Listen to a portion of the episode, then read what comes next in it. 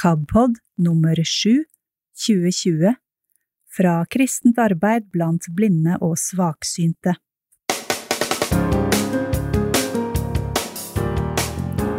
Velkommen til årets sommerpod. Livet er et usikkert prosjekt, sier psykiater Ingvar Wilhelmsen. Her kan du lytte til hans foredrag som han holdt på webinar for KAB. Ulf Ask forteller bare hva han ser, uten å tolke.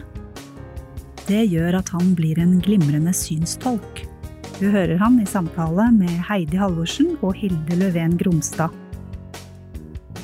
Ordet ydmykhet, forbinder du det med å være en stolt eh, hvem som helst? Tro og tanke er hentet fra Thomas Sjødins bok Stol på at det lysner. Vi skal også ha litt KAB-informasjon ved Øyvind Woie. Det blir etter at Kurt Ove Mæland har mimret sammen med store musikkhelter som Solveig og Bjarte Leithaug, og forfatter av boka Rytmer rett i hjertet, Olav Solvang. Det skal handle om norsk kristen popmusikk og dens storhetstid. Klippstoff i dag er sommerlytting av et misjonsblad Misjonstidene fra Det Norske Misjonsselskap.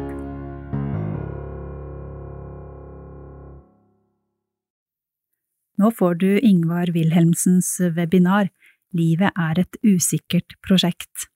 Og vi gjør oppmerksom på at lyden er hentet fra et nettmøte, og det betyr at det kan være noe redusert kvalitet noen plasser, og det gjelder også andre innslag i denne podkasten. Det er eh, en stor glede for meg å ønske Ingvar Wilhelmsen velkommen til eh, seminar sammen med alle oss som er her nå. Ingvar Wilhelmsen han er jo professor emeritus, som det heter, ved Universitetet i Bergen, og spesialist i indremedisin, står det på papiret her i hvert fall, og psykiatri. Og I 25 år så har han drevet uh, denne utrolige hypokonderklinikken som vi, faktisk er blitt glad i, rett og slett. Han har skrevet flere bøker. 'Livet er et usikkert prosjekt' og 'Sjef i eget liv' og 'Kongen anbefaler'. Det er ikke synd på deg eller andre. Han har vært i mange ulike kulturhus og steder eh, og fortalt og snakket om det som ligger ham på hjertet. Ok, takk for invitasjonen, og kjekt å få komme her og god kveld. Og jeg kan si at Målgruppen er jo, som ble sagt, eh, folk som enten er blinde eller synshemmet på en eller annen måte svaksynt. Noen er antagelig født blind, noen er blitt det. Og av de som er svaksynte, det sikkert noen som er i en prosess der synet blir dårligere osv. Det er målgruppen. Og de pårørende også, for så vidt. Som eh, er det ektefeller, det er barn, hva som helst. Så er det en del andre også, vet jeg, som ser på. Og det skal jeg ha litt i bakhodet. For det er jo en del problemstillinger som er generelle for alle mennesker. Og jeg er da lege, og eh, når jeg er 71 år, så er jeg jo pensjonist. Og det er jo riktig å undervise legestudenter i over 20 år på Universitetet i Bergen. Spesialist er egentlig fordøyelsessykdommer. Har doktorgrad på magesår, men det er jo ikke dagens tema. Men så er jo psykiater også, da, og har hatt denne lille hypokonderklikken. Det har jeg hatt i over, fem, over 20 år. Og eh, Det er et offentlig greie det er på Haraldsplass diakonale sykehus i Bergen. Og akkurat den har jeg fortsatt. 20% stilling. Så én eller to dager i uken så preiker jeg bare hypokondere. Og Jeg har en del premisser for det jeg skal si, som jeg gjerne vil nevne sånn innledningsvis. Det ene jeg kunne tenke meg bare å si at det er ingen garanti for et godt og rikt liv å se godt. Det er mange mennesker som ser utmerket godt, og som ikke har et rikt og godt liv. Det er det ene. Det er heller ikke en garanti for et fattig og elendig liv å ikke se. Det har jeg sett mange eksempler på. Så det er et premiss at uh, det er utrolig hva folk kan ta, egentlig. Et annet premiss som jeg eh, liker å understreke, det er at jeg mener at det meste her i livet får vi ikke kontroll på. Det mener jeg faktisk. Det meste får vi ingen kontroll på. Vi fikk ikke velge foreldre, det er dere enige om alle sammen. Det var litt viktig, men vi fikk ikke uttale oss. Vi får ikke velge sykdommer her i landet. Altså De som hører på eller ser på som er svak, synshemmet eller blind. Det er ingen der som har valgt å bli det. Man velger ikke sykdommer. Altså Vi har jo nå en blå-grønn regjering, og de prøver jo å stramme inn.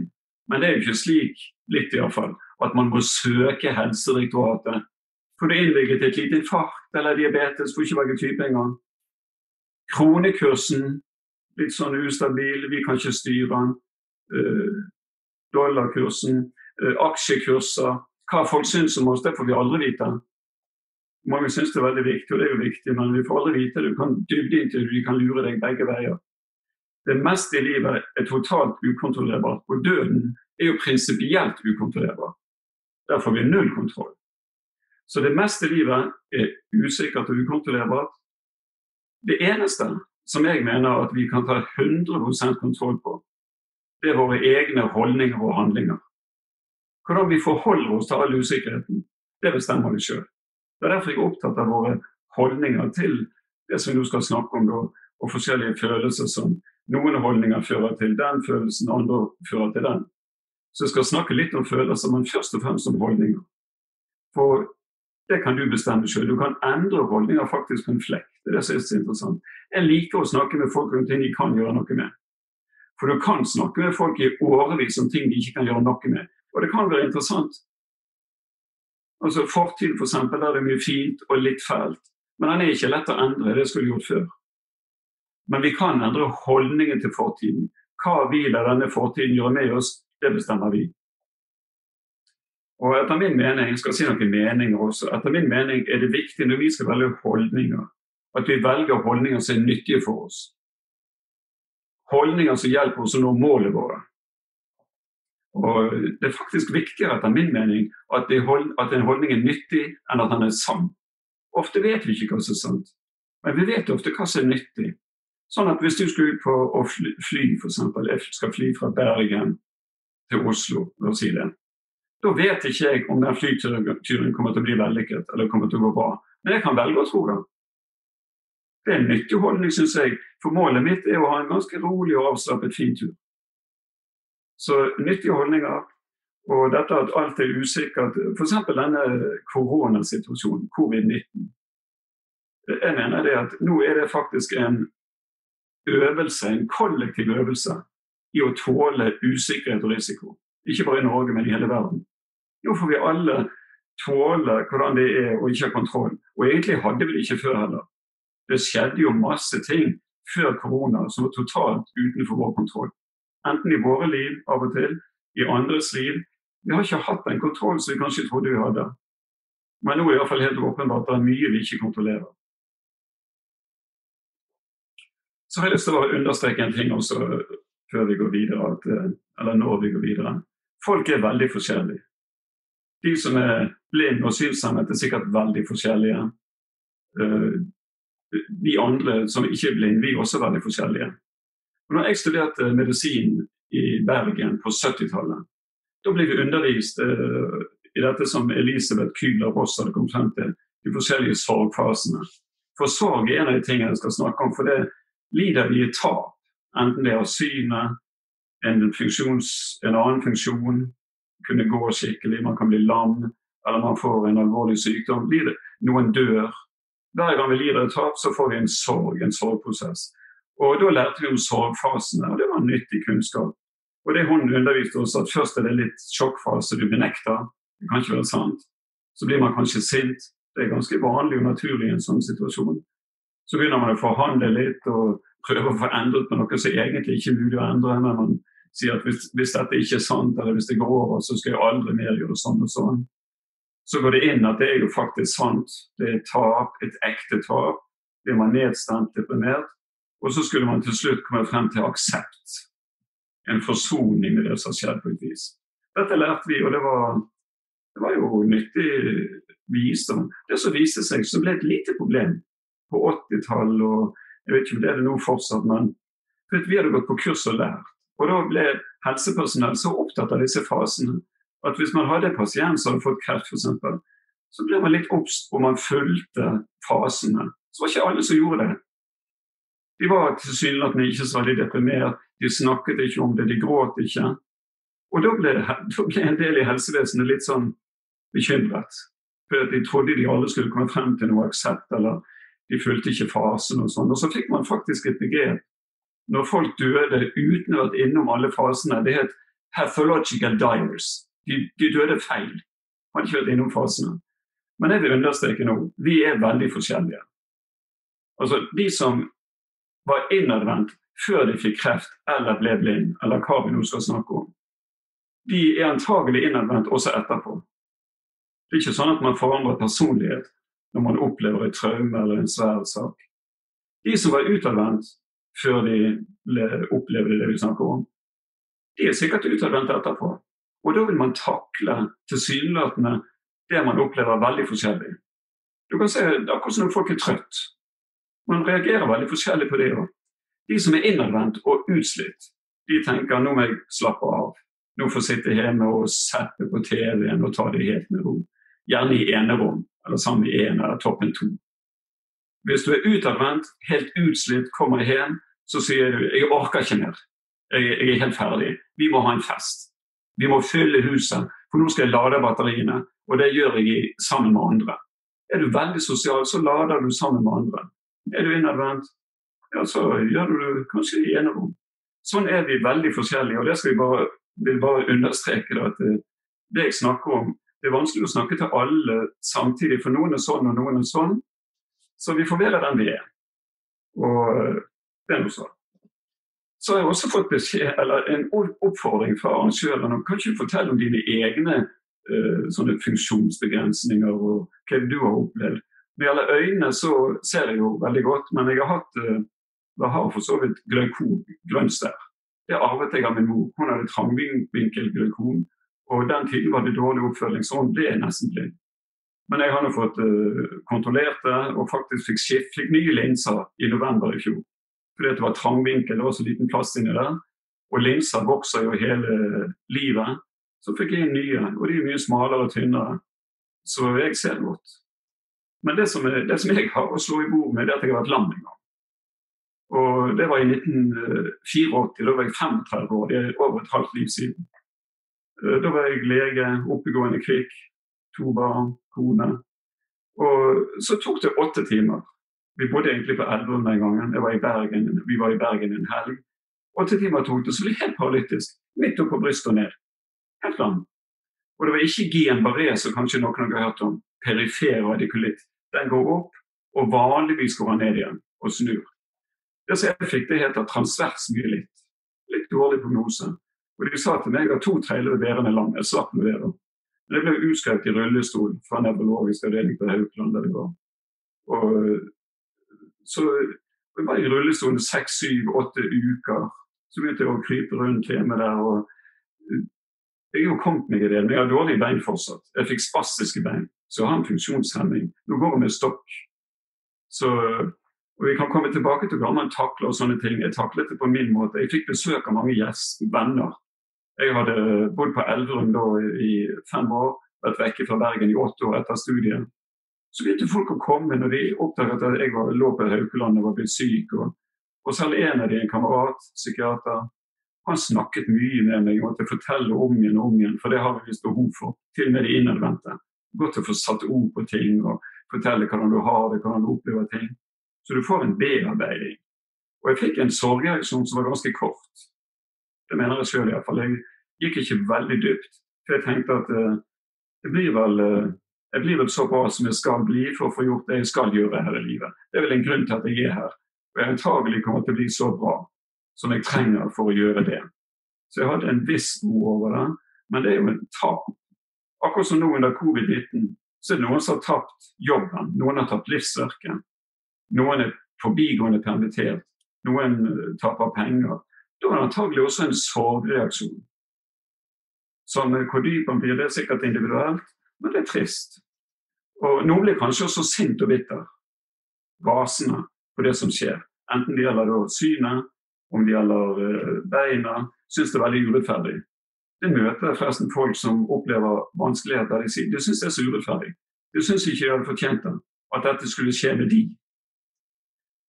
Og da spør de om de, vil, om de vil ha det om de vil ha som fortjent her i livet. Ja, tenk om vi fikk som fortjent, skulle tatt seg ut. Jeg tror de fleste av oss som er glad for at vi ikke får som fortjent. Vi lever av nåde og tilgivelse, antagelig hele gjengen. Men man kan bli sint og bitter. Det er ikke noe unaturlig, iallfall ikke i en akutt fase. Både sorg er normalt hvis man taper noe, selvfølgelig helt normalt. Sinne kan være helt normalt. Bitterheten også. Men det er antagelig ikke et sted bli værende. Ingen av disse følelsene som er normale og naturlige, er antagelig ikke et sted bli værende. Og man kan jo til og med komme inn i offerrollen. Altså, det er jo en rolle som er veldig ubehagelig. For man blir så hjelpeløs. Kjørt opp i hjørnet, kommer ingen vei. Og som eh, det ble nevnt, så har jeg skrevet flere bøker. Og en av dem heter da den siste, faktisk. Den heter 'Det er ikke mer synd på deg enn andre'. En bok om ansvar og frigjøring. Nå er ikke det en bok som uh, Hvis du har en venninne som fikk brystkreft i forrige uke, så bør du ikke gi henne akkurat den boken. Skal du se hva Wilhelmsen mener om saken. Det er ikke alt som passer i alle situasjoner. I en akuttfase da er det én ting som teller, det er empati. Det er forståelse, det er en skulder å gråte på, det er en hånd å holde i. Ikke så mye ord, egentlig. Egentlig ikke så mye trøst. Hva skal du si? Det er jo bare forferdelig, kanskje. Så i en akuttfase da er empati flott. Og da er det kanskje naturlig også å komme innom bitterhet, selvmedlidenhet. Ikke så unaturlig. Men det er altså som sagt ikke et sted å bli værende. Så hvis man etter et år eller to eller tre fortsatt er i denne offerrollen, da man føler seg som et offer for omstendigheter eller hva det nå er, eller føler at dette kanskje er en straff for et eller annet, da kan vi snakkes. Da må man kanskje konfrontere holdningene. Og det har han gjort noen ganger. og i den siste boken Hun som er hovedpersonen, har jo hatt masse problemer. Det, det står ikke på det. Forferdelig. Hun, hun, vil ikke stå frem med fullt navn og nummer. Alle pasienter som jeg skriver om, syns det er greit at jeg skriver. For de har jo lest gjennom, og ellers kunne ikke skrevet og snakket om dem. Og hun også syns det er greit at jeg skrev boken. Hun har jo skrevet en del av det sjøl. Alle e-posten som hun har skrevet, de er jo den boken. Men hun var 31 år når jeg snakket med henne, og veldig vanskelig liv. Men hun vil ikke stå frem med fullt navn og personnummer. Men øh, vanskelig oppvekst. Forferdelige foreldre, som sagt. Og øh, hadde nå bidratt sjøl og gjort livet litt vanskelig. Og nå er hun 31 år, uføretrygdet. Masse symptomer, helseangst selvfølgelig, var derfor var henvist til hypokonderklinikken. Men hun hadde faktisk gått inn i en offerrolle, sånn som beskrevet. Og den offerrollen beskrev hun ganske godt. Hun har faktisk marinert seg i offerrollen, sa hun. Utnyttet det maksimalt. Og Det som hun syntes var en liten fordel med offerhold, det er frikort. Du kan gjøre akkurat som du vil. Du kan mobbe i vei hvis du vil det på ungdomsskolen, la være å gå på skolen hvis du vil, skylde på foreldrene. Noen skylder på helsevesenet, noen skylder på Gud, noen skylder på arbeidsgiver. Det er mange man kan skylde på. Naboen, hvem som helst. Men det dumme med offerhold det var jo dette at hun var så utrolig hemmet. Hun var så kjørt opp i et hjørne, kom ingen vei. Egentlig begavet kvinne. Så sa jeg til henne, hun var i Bergen, er ganske korttidsterapi, men i andre time så sa jeg til henne før hun skulle reise hjem at jeg forsto at hun hadde hatt det vanskelig, men så sa jeg det er ikke mer synd på deg enn andre. Så skrev hun en e-post tre år senere. Og da skrev hun aldri blitt så krenket i hele mitt liv som jeg sa det der. Det er ikke mer synd på deg enn andre. Og det sier ikke lite når det gjelder hun. Men så la hun til at det var et tillegg. Det var akkurat det, sa hun, at uh, hun ble konfrontert på den måten. Det satt hun støkk i henne. Men hun kom hjem fra Bergen litt sånn i opprør og sa til en venninne Vet du hva Wilhelmsen sa til meg? Hvis ikke jeg tar ansvar for livet mitt, kommer ingen andre til å gjøre det. Ja, hvem skal gjøre det, lurte hun venninnen på. Ja, Han sa også det er ikke mer synd på deg enn andre. Ja, Det hørtes jo fælt ut, syns hun venninnen. Men, men hvem skal ta ansvar for deg i ditt liv? Psykiaterne? Foreldrene? Ja, men kan jeg ta ansvar for mitt liv? Ja, det mente venninnen. Det kan du. Og Så beskrev hun da i den e-posten tre år etter hun hadde vært i Bergen, hvordan hun tok tak. Hun hadde to døtre som hadde gått på for lut og kaldt vann. Og de, eh, de tenkte at de må få et skikkelig forhold til. Så var hun tungt inne i Nav, uføretrygdet, ingen utdannelse. Hun visste hva han ville bli, og var som sagt ganske begavet. Så hun bestemte seg for nå skal jeg ta en utdannelse. Jeg fikk støtte av Nav, og like før hun skrev den eh, e-posten til meg, var hun meldt seg ut av Nav. gått ut av offerrollen. Og det var ikke gjort på en dag, men det var en holdningsendring. Istedenfor å gå der og stakkarsliggjøre seg sjøl, og sånn som også har blitt gjort av andre, stakkarsliggjort, så tok hun tak, endret holdning til masse forskjellige ting som ikke skal gå inn på alt mulig. Men det er mulig å gå ut av offerrollen. offerrolle. Og hun mener faktisk at hun hadde møtt litt mye empati. Det går an å overdrive empati. Jeg sa at det er veldig viktig i en akuttfase å være empatisk. Kjempeviktig. Da blir du møtt, du blir forstått. Det er noen som lytter til deg, hører, gjengir det kort med en følelseskvalitet til empati. Men hun har faktisk blitt stakkarsliggjort, møtt litt mye empati. Noen har faktisk sagt til henne at det er nesten rart at du er såpass du er med de foreldrene. Er det en fin hilsen å få? Du har nådd ditt maksimale utviklingspotensial, det er ikke mer å hente. Da kan du altså stakkarsliggjøre folk. Men det var noen som hadde sagt til henne, og det var jo mye bedre, det var godt det var du som opplevde dette, for dette kommer du til å ta. Det var jo en litt mer oppmuntrende hilsen. Så det å få ansvar for livet sitt for Det er jo veldig vanskelig å endre andre. Og Dere har nå sikkert ikke forsøkt, dere som hører på, men de som har forsøkt, å si at det er veldig vanskelig. Og Vi kan ikke endre holdninger som andre har, men vi kan få dem til å tenke. Vi kan stille spørsmål, vise omsorg, være empatisk, men også av og til konfrontere, hvis du er i posisjon til det. Det er ikke noe man bare gjør sånn på tull. Det gjør man fordi at man vil hjelpe noen, og man må ha en viss relasjon før man gjør det. Sånn at det ikke virker bare sånn ovenfra ned eller og han tok nå det oppgjøret. Og vi har skrevet om forholdet mellom empati og konfrontering, når det passer, når det ikke passer. Og Hovedpoenget foreløpig er det er mulig å gå ut av offerrollen. Og det er helt utrolig, de menneskene jeg har møtt gjennom et langt legeliv fra 76, utrolig hva folk takler av ekte problemer. Og selv svære ekte problemer, sånn som sikkert mange blinde også kan si, at de har et rikt og godt liv. Ikke at de ville være blind hvis de fikk et fritt valg. Men de har et godt liv. Eh, det som folk ta mest med, faktisk, etter min mening, og min erfaring også, er ikke de ekte problemene, det de tenkte. Og de kan være verre enn de ekte. Ekte problemer de er faktisk begrenset av tid og rom og sted. Tenkte problemer det er ingen grensning, der er det bare, bare din fantasi som setter grenser. Og ekte problemer det kan du sette i gang og mestre. Du kan få hjelp, du kan få støtte, du kan få behandling, du kan få blomster.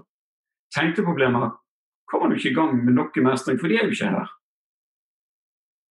Så, og Det skal vi gå inn på litt nå, for hele foredraget heter bl.a. dette med grubling og bekymring. Og risiko og usikkerhet og alt dette her. Og Nå har jeg snakket litt om sorgen som er en naturlig sak. og Hvis den blir for langvarig, for dyp, problematisk, så må man gå og snakke med noen og få hjelp og få se det litt utenfra. For mange har jo den erfaring at sorgprosesser går sin gang. Det kan gå fort for noen, det kan gå langsommere for andre. Det, det er helt individuelt og avhengig av både personlighet og forskjellige ting.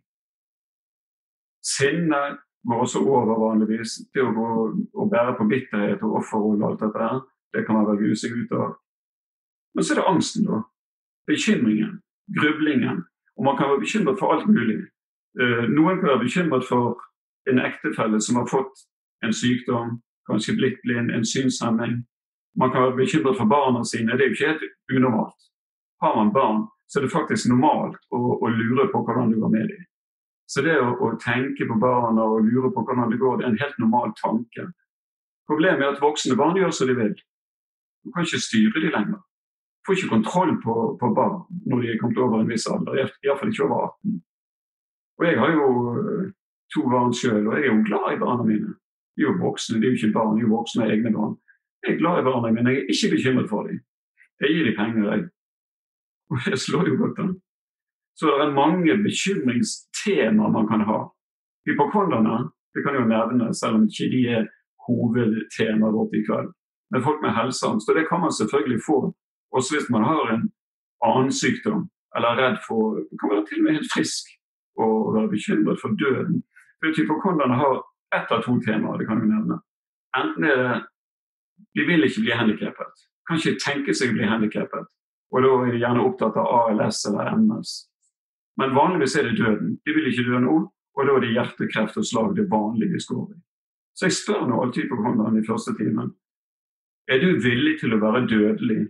Og det er jo ikke dumme folk. De fleste sier i prinsippet ja, men ikke nå. Skal vi ta kontroll på døden? Ja, hvorfor passer det så dårlig å dø nå? Hva er liksom hovedbegrunnelsen? Og der kan de ha gode argumenter. En ung mor som jeg snakket med, hun sa det at du skjønner det, Wilhelmsen, jeg har små barn her, men det må jo du òg forstå. Kan ikke dø fra små barn. Nei, det forstår jeg at det er veldig uheldig. Men jeg spurte om du har ikke en mann der hjemme. Jo, hun hadde en mann der hjemme. Men, sa hun, ungene mine skal jo også bli følelsesmessig normale, så jeg må være der. Hun mente det var ikke nok med mat og penger. Altså, en annen, Hun kunne ikke det, for at moren var en heks, påsto hun, ikke sånn offisielt utnevnt. Forferdelig dame. Hun kunne ikke det, for at moren var en heks. Og En dag hadde moren sagt til henne at det er ikke så farlig om du dør, for jeg kan ta de der ungene. Hun hadde tre barn. Så hennes prosjekt er å overleve moren. Men jeg har sagt at det meste her i livet er prinsipielt ukontrollerbar, bl.a. døden. Så jeg spør folk hvis du skal prøve å ta kontroll på døden, hvordan gjør du det? Vet du hva du skal dø? Har du fått en sånn åpenbaring? Nei, de har ikke peiling hva du skal dø. Hvordan kan du unngå å dø når du ikke vet hva du skal dø Det er ikke lett. Men som de fleste sier, må du iallfall følge med. Her må du følge med hvis du ikke skal dø. Å ja. Skal du gå bredt ut og demme opp for alle dødsårsaker? Det hadde vært logisk. sant? Som jeg sier av og til, kanskje du skal bli skutt. Går du med vest? Kanskje du skal få noe i hodet? Går du med hjelm? Nei, de fleste sier at du får nå velge deg en sykdom. Problemet nå er hvilken skal du velge? For nå må du velge riktig sykdom og en du kan gjøre noe med. Og Det er ikke lett å tippe hva som skal skje i et liv. Det er sikkert mange av dere som kan bevitne. Det er ikke lett å tippe. F.eks. meg i 1984 da jeg ble lam og fikk transvers nylitt. Hvis du hadde spurt meg i 1983 Jeg tror ikke jeg hadde valgt Hvis du spurte meg hva, Ingvar, hva tror du første sykdommen du får? Jeg tror ikke jeg ville sagt at det blir vel en transvers myelitt.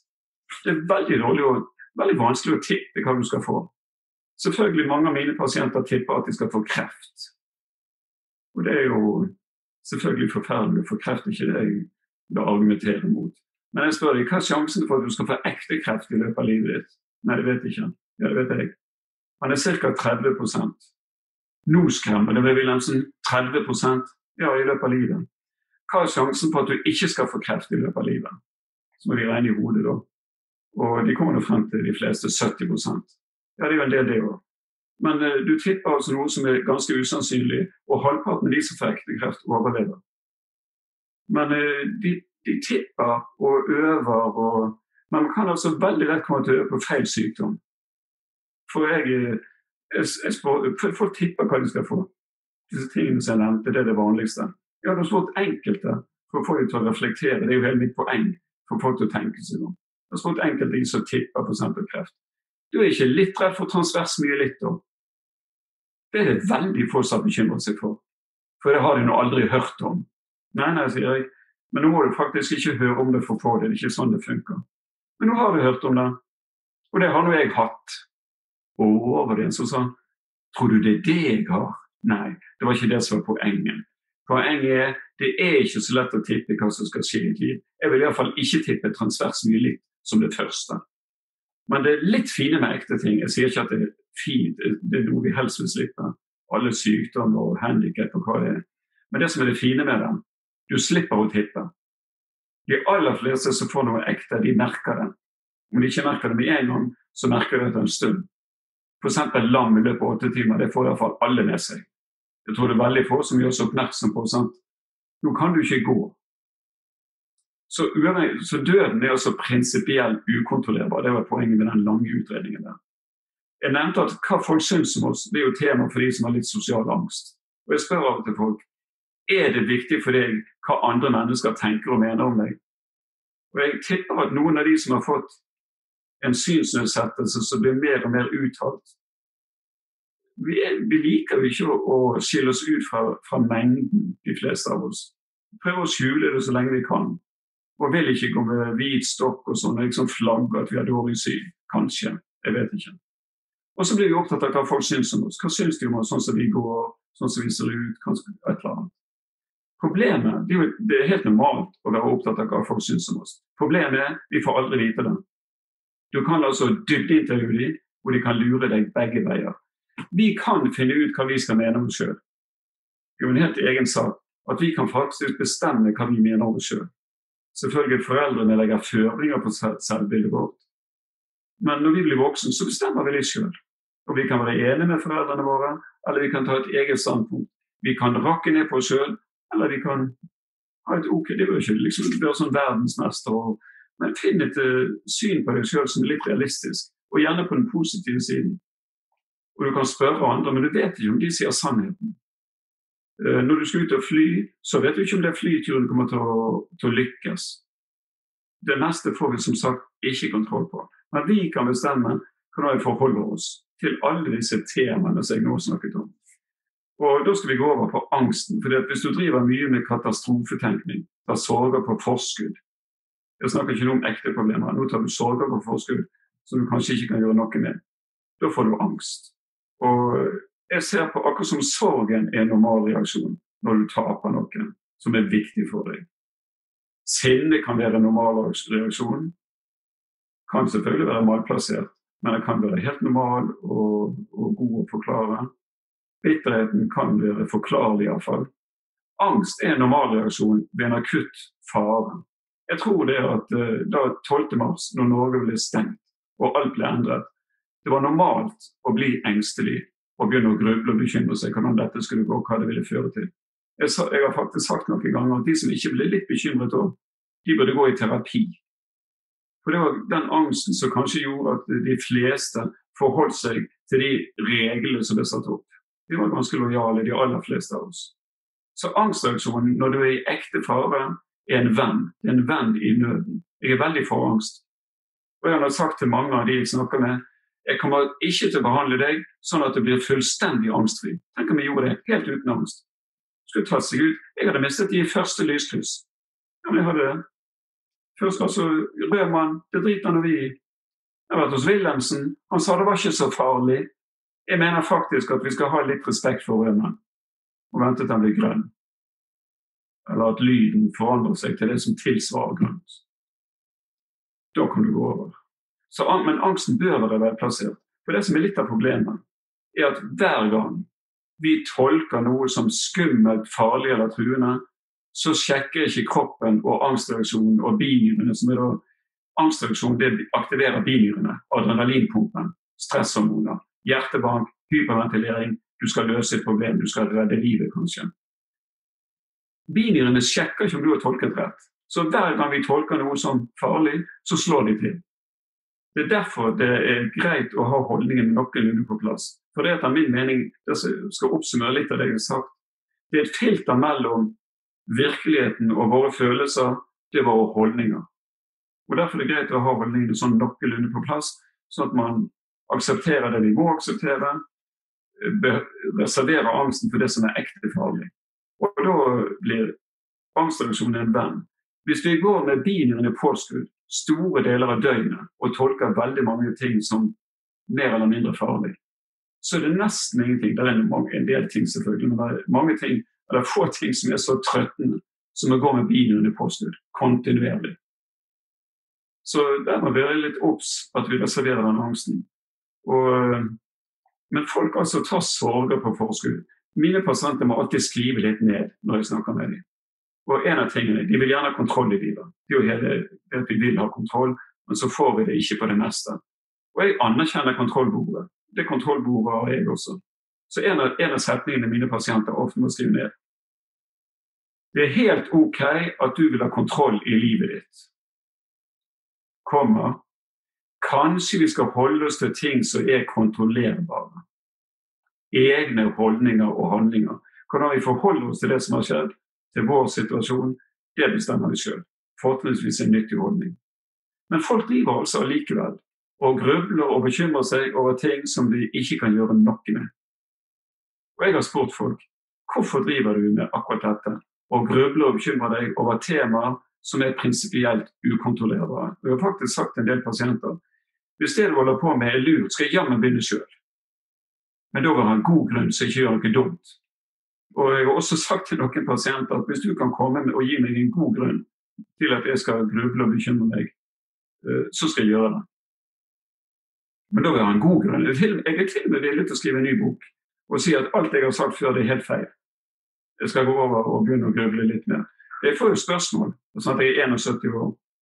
Wilhelmsen, er ikke du bekymret for covid-19? Og jeg pleier å svare at uh, jeg skulle gjerne bekymret meg litt for deg hvis jeg trodde det hjalp. Men det er ikke det jeg er så sikker på. Så hvorfor driver folk og tar sorger på forskudd som de ikke kan gjøre noe med? Jeg kan jo nevne, jeg pleier å gjøre det, jeg kan gjøre det her òg. De aller vanligste grunnene. Den aller vanligste er kanskje jeg har lyst til å være forberedt på det verste. Jeg vil ikke bli tatt på sengen med en barnelykke, kreft, progredierende synstap. Hva er det man er redd for? Og så øver de, da. Man øver fordi man tror at hvis du har øvd og tenkt nøye gjennom dette, så tar du det litt lettere hvis det skjer. Jeg snakker ikke nå om noe du kan gjøre noe med.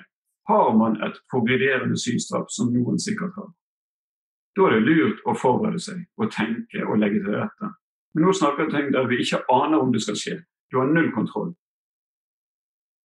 Er det da lurt å øve? F.eks. barneulykker. Det har vi jo ingen kontroll på. Det er jo forferdelig hvis det skjer. Men nytter det å øve på barneulykker? La oss si at du gjør det i 20 år. Sier man da etter 20 år så skjer det noe gjennom en av ungene. Så ringer de fra et akuttmottak. Sier man har det skjedd noe, og da var det godt å være en ulykke med barnet mitt, for dette har jeg øvd for, dette har jeg vært borti før. Så fikk du litt igjen for all den nattevåkingen. Eller øve på kreft. Mange av mine pasienter som sagt på hypokonderklinikken øver på kreft. Og kreft er helt forferdelig, det vet jeg fra nærmeste familie. Så det er ikke det jeg ikke er klar over. Men de øver på kreft før de har fått det. Og det er problemet med øvelsen på denne måten. Det er to ting som, som vi kommer frem til er problemet. For det første Fæle ting er fæle ting, enten du har øvd eller ikke. Det nytter ikke å øve på fæle ting. Barneulykker er fælt, enten du har øvd eller ikke. Alvorlig sykdom er fælt, enten du har øvd eller ikke. Det nytter ikke å øve. Fæle ting er fæle ting. Det er det ene. Det andre er at man kan lett komme til å øve på feil tragedie, feil sykdom, feil ulykke. Og det må jo være meningsløst. For de som øver på kreft, de tenker gjennom å ja, kanskje få cellegift, miste håret, kjøpe en tupeen, ha den klar. La oss si at jeg gjorde det da i 1983 begynte å øve på kreft. La oss si at jeg gjorde det. Kjøpte en tupeen, hadde den klar. Så kom 1984, så ble jeg lam. Så sitter jeg der med tupeen. Det var jo faktisk rullestol jeg skulle kjøpt. Men det får du av Nav. Slapp helt av. Så når vi får tenkt oss litt om, det er det med å tippe hva som skal skje, og øve på ting du ikke aner om du skal skje du ikke kan gjøre noe med, det er jo egentlig meningsløst. Da får vi høre, og det det vi blir enige om da, vi får ta ekte ting etter hvert som det skjer. Ingenting i tillegg. Og faktisk mener jeg, for å ta det i en parentes, at folk som har ekte problemer, og det har jo nesten alle nå for tiden, et eller annet ekte problem, og noen har mer, noen har mindre, verden er veldig urettferdig. Folk med mye ekte problemer de har verken tid, råd eller krefter til å ta noen tenkt i tillegg. De har nok som de har. Og iallfall ikke begynne å øve på andre ting. For å holde oss til det vi har, og øve på det.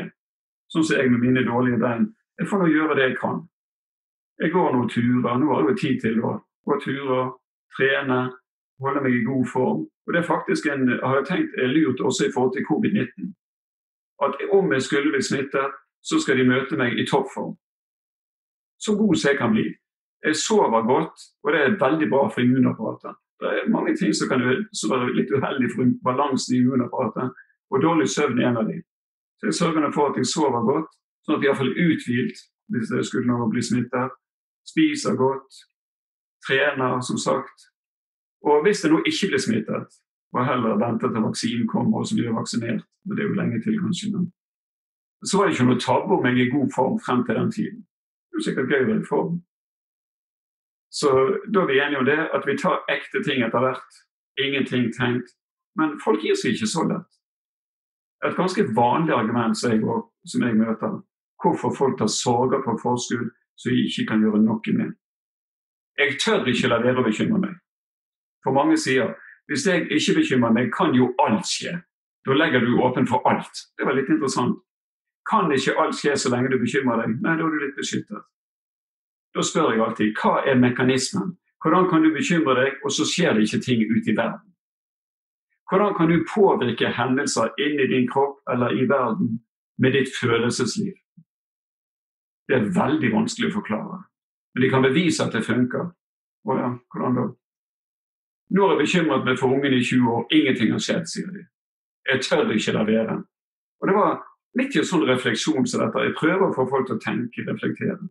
Midt i en refleksjon så var det en som sa Wilhelmsen sa foreslår du at jeg skal bli helt sånn glad og fri og trygg, helt sånn avslappet optimist? Er det det du foreslår? Og det var nå bare et forslag. Jeg vil jo ikke, jeg vil ikke tvinge deg, men jeg mener det.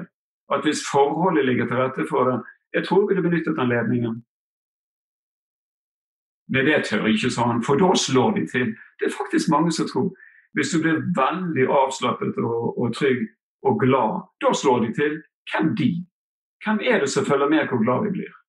Å ja, der tok hun av, nå må vi sende noe. ikke det bare gøy å være glad? Jeg mener at gleden er en av de få følelsene du kan stole blindt på. Angsten kan du ikke alltid stole på, for du kan ha tolket en situasjon feil. Sjalusi kan du ikke alltid stole på, for du kan ha misforstått noe. Men gleden kan du stole på. Og jeg tar regelmessig glede på forskudd. Og hvis det ikke skjer, så jeg den gleden. Og slår det til, så er det dobbel glede. Ja, så er det en som sa det er greit, Wilhelmsen, men jeg vil ikke ha denne voldsomme fallhøyden i livet mitt, hvis det er det du tror. Høyt der oppe, glad og fri. Pang, den nedturen. Jeg vil ikke ha det sånn. Hvordan løser du det dilemmaet der? Jeg holder meg her nede, sa han. Ja, da blir det ikke mange nedturer. Og jeg, som sagt, jeg bestemmer iallfall i mitt liv.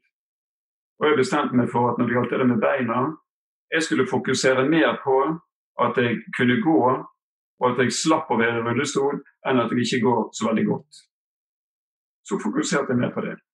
Og du, du må også velge sjøl hva du fokuserer på. Og jeg har også bestemt jeg vil ha så høy fallhøyde som mulig i livet mitt. Jeg vil ha det så godt som mulig, så lenge som mulig, inntil noe skjer. Da har jeg fått liv å se tilbake på. Og Det heter magisk tenkning. dette, og Det er greit å få det på bordet, syns jeg. For det er veldig mange som driver med magisk tenkning. at Det vært så typisk at det skjer med meg. Å ja. Hvor mange ganger har det skjedd da? Aldri hittil. Det var jo veldig typisk. Og så tror man det, det farlig å bli glad og optimistisk. Det er ikke farlig. Vi, skal være realistiske, det er ikke det jeg mener. Vi skal ikke være helt urealistisk. Men litt optimistisk på den realistiske siden må det være greit. Så magisk tenkning, og det er mange som driver med det, intelligente folk. Jeg var i Alta en vårdag. Nydelig vær oppe i Alta.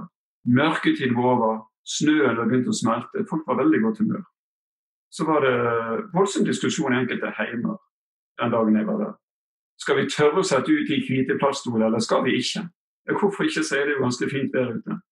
Nei, de var litt skeptisk. Hvorfor det, da? Jo, du vet det, sa de. Setter vi ut de stolene for tidlig, kanskje snøen kommer tilbake. Det var jo veldig potente stoler dere har.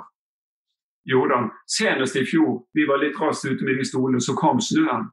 Jeg bare lurte på, det er ikke andre faktorer som spiller inn på denne snøen enn de der stolene.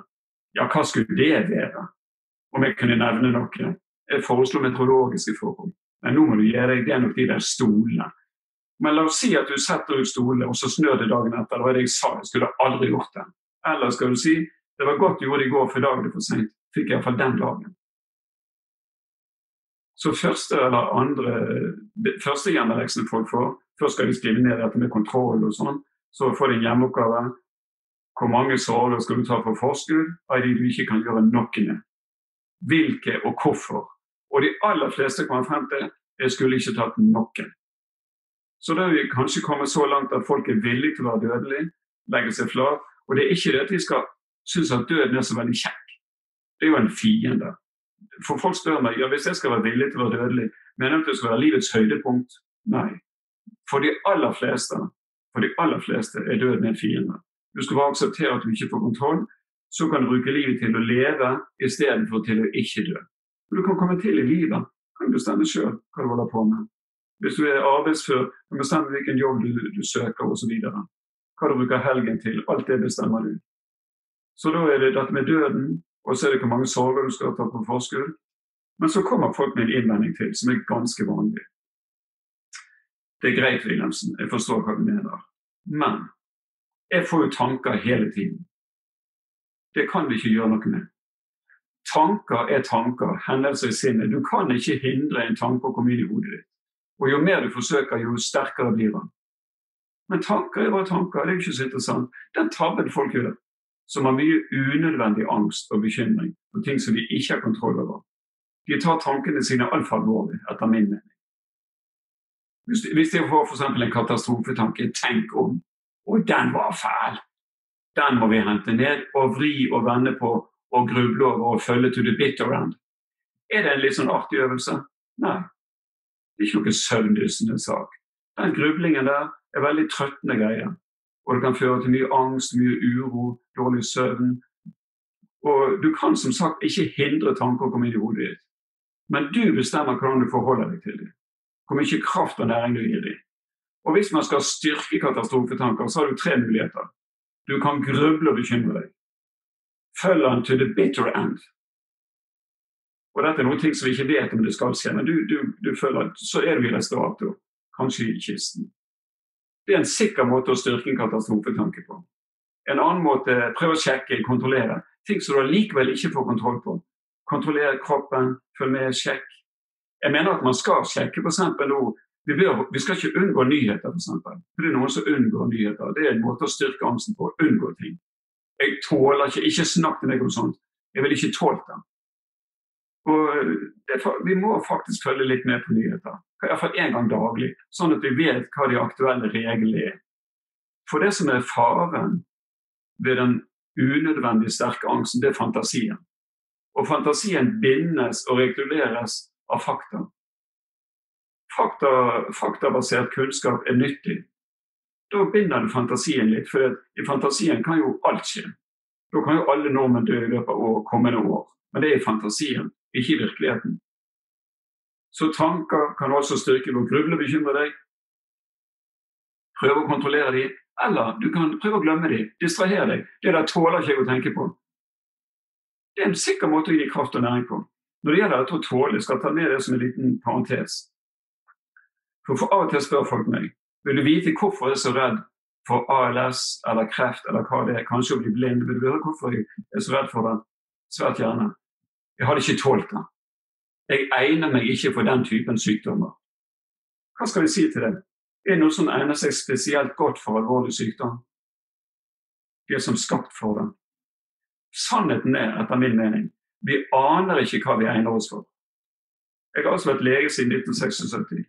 Det er helt utrolig hva folk kan ta av ekte problemer. Med støtte, med hjelp, med behandling. Og jeg sier ikke at det er lett, men det er mye lettere enn tenkte. Så vi skal ikke nedvurdere egne mestringsevner. Og det er lett å gjøre. Jeg holdt et foredrag i Drammen en gang for uh, barnehageansatte. Og så var det en mor som reiste seg midt i forlaget. Vi hadde en litt dialog inne i salen. Så sa hun hun hadde et handikappet barn. Av og til kom det andre mødre til henne. En hadde sagt jeg hadde ikke tålt å få til et handikappet barn. Jeg er veldig imponert over måten du tar det på. Jordan spurte henne ja, hva ville du gjort da? Ville du ikke gitt henne mat? Ville du satt henne ut på gaten? Nei, jeg tror ikke vi egner oss. Egentlig har ikke vi noe valg heller. Vi må ta det vi må ta. Så dette med å ta tankene så veldig alvorlig, det er tanker. Det er hendelser i sinnet. Og jeg mener vi skal skille mellom en tanke og en sannhet. Et faktum. Tanke på kreft, f.eks., det er jo en tanke. Ekte kreft er en sykdom. Du må ikke blande dette. Behandlingen er veldig forskjellig. Prognosen òg. Så vi skal ikke unngå tanker. De kan komme hvis de vil, og ofte er det helt naturlig. som sagt. Det er ikke katastrofetankene som er problemet. Problemet er at svaret ligger i fremtiden. Veldig ofte så vil en katastrofetanke som er negativ, selvfølgelig vanligvis, ha formelen 'tenk om'. Tenk om. Og da, vet vi med en gang, Hvis vi gjenkjenner den typen katastrofetanker, så vet vi om jeg grubler hele natten, hele neste dag, hele uken, så kan jeg ikke finne det svaret. En typisk situasjon er jo hvis man har en sykdom, går til kontroll. Og Hvis det er en alvorlig sykdom, og du lurer på hvordan prognosen blir, og om du har fått tilbakefall, så er det en ventetid mellom at du har tatt en prøve, og at du skal vite svaret. Da kan man få tanker. Det er helt naturlig å få tanker. Men da må du velge hvordan du forholder deg til dem. Og Jeg skal komme til eh, hva som er kanskje nyttige holdninger. Jeg har sagt de som forsterker katastrofetanken foreløpig. Vi skal komme til selvfølgelig hva som er alternativene. Kan ikke hindre at de kommer. Og du, en metafor jeg ofte bruker like lite, Du kan ikke hindre tanker å komme inn i hodet ditt. Katastrofetanker heller ikke. Men du kan behandle katastrofetanker omtrent som du vil behandle en nabo du ikke liker. Det går jo an å ha naboer man ikke liker. Du kan ikke hindre at han ringer på seg, men du kan la være å åpne. Så treffer du han på butikken dagen etter. Du, jeg ringte på seg i går. Ja, jeg er fullt klar over det, sier du. Ja, du åpnet ikke. Nei, det var helt bevisst. Da kan hende han tar hintet. Men tar han inn på kaffe, vafler, krydderkake, god samtale, en fin hilsen når han går, så kommer han igjen. Så vi bestemmer litt hvilke tanker vi duller med og underholder, og hvilke vi bare registrerer, men vis, viser minst mulig oppmerksomhet. For hvis du er vant til å ta imot katastrofetanker med voldsom entusiasme, så forsterker du dem. Det er ikke rart de kommer igjen. Det er akkurat et menneske. Det. De liker å komme der de blir møtt med entusiasme. Så de kan du altså fryse ut sånn til slutt. De forsvinner ikke helt antagelig, men blir litt minner. Noe som bare dukker opp av og til, og som du ikke bruker mye energi på. Hvis du vil plassere dem et sted, det har jeg jo anbefalt for folk. Du kan jo skrive en lapp når katastrofetanken kommer, for det er ofte de samme som går igjen. Skriv det på en lapp og legg det i en boks. Og så kan du merke boksen 'interessante, men ubesvarlige spørsmål'. Du er verden full av. Av og til bruker jeg bildene at du har noen hovedspor i hjernen din, i sinnet. Det målet du har satt deg i livet. Du velger deg holdninger som skal hjelpe deg å nå de målene. Det er jo greit. Men uh, så holder du deg stort sett på hovedsporet. Så er det mange sidespor. Et sidespor kan være ulykker. Ja, Du tar, går ikke inn i den vognen før du må. Du går ikke rundt og tipper ulykker. Et, uh, en vogn er jo døden. Du, der går du heller ikke inn før du må. Så den lar vi stå på et sidespor. Det kan være alvorlig sykdom, en vogn for kreft eller ALS. For å komme over den, altså Rollen som ALS-pasient er så alvorlig, den skal tildeles av en lege. Det er ikke noe man hopper inn i hjemme. Vi må ha litt respekt for ekte sykdom. Så jeg mener faktisk at vi kan ikke styre tankene våre, men vi bestemmer hvilke tanker vi gir kraft og næring. Og fortrinnsvis da tanker som hjelper oss å nå målene våre. Så det var nå litt om grubling og bekymring.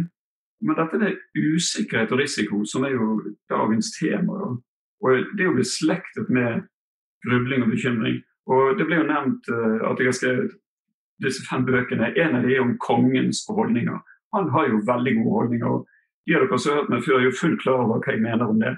Men jeg kan jo repetere for de som ikke husker det. Kongen var nemlig for mange år siden på TV. Fikk et spørsmål om jeg ikke var redd for terrorangrep her i landet. Ligger ikke kongen våken og bekymrer seg for terror? Nei, sa kongen, han gjorde ikke det. Da var journalisten veldig eh, sjokkert. Du er konge i Norge. Ja, det hadde han fått med seg. Det var ikke noen nyhet, hver siden 91. Du behøver ikke slå den opp. Ja, men da har du ansvar for folket. Det tok han veldig alvorlig. Ja, ligger du ikke våken og bekymrer deg? Nei. Men uh, det riktigste han, verden er fæl. Men akkurat det spørsmålet om terror det overlater jeg til Politiets sikkerhetstjeneste. Det kan de holde på med. De er utrolig gode på katastrofetenkning. De holder på natt og dag. De får penger for det. Det kan de drive med. Sjøl, sa han, så ligger jeg og sover så godt jeg kan hele natten. Så sa kongen at hvis det en dag smeller her i landet, kommer det til å bli en veldig vanskelig situasjon. Da vil jeg i hvert fall være uthvilt. Det er hans forberedelse. Det er det jeg sa i forhold til korona. Og Han gikk faktisk så langt i det forrige han sa jeg prøver alltid å være uthvilt og mett, mer eller mindre kontinuerlig. Han går sånn og småspiser. du vet, Slottet akkurat sitt hotell. Ligger boller sikkert og nøtter og frukt fremme. Går og småspiser. Sover godt om natten.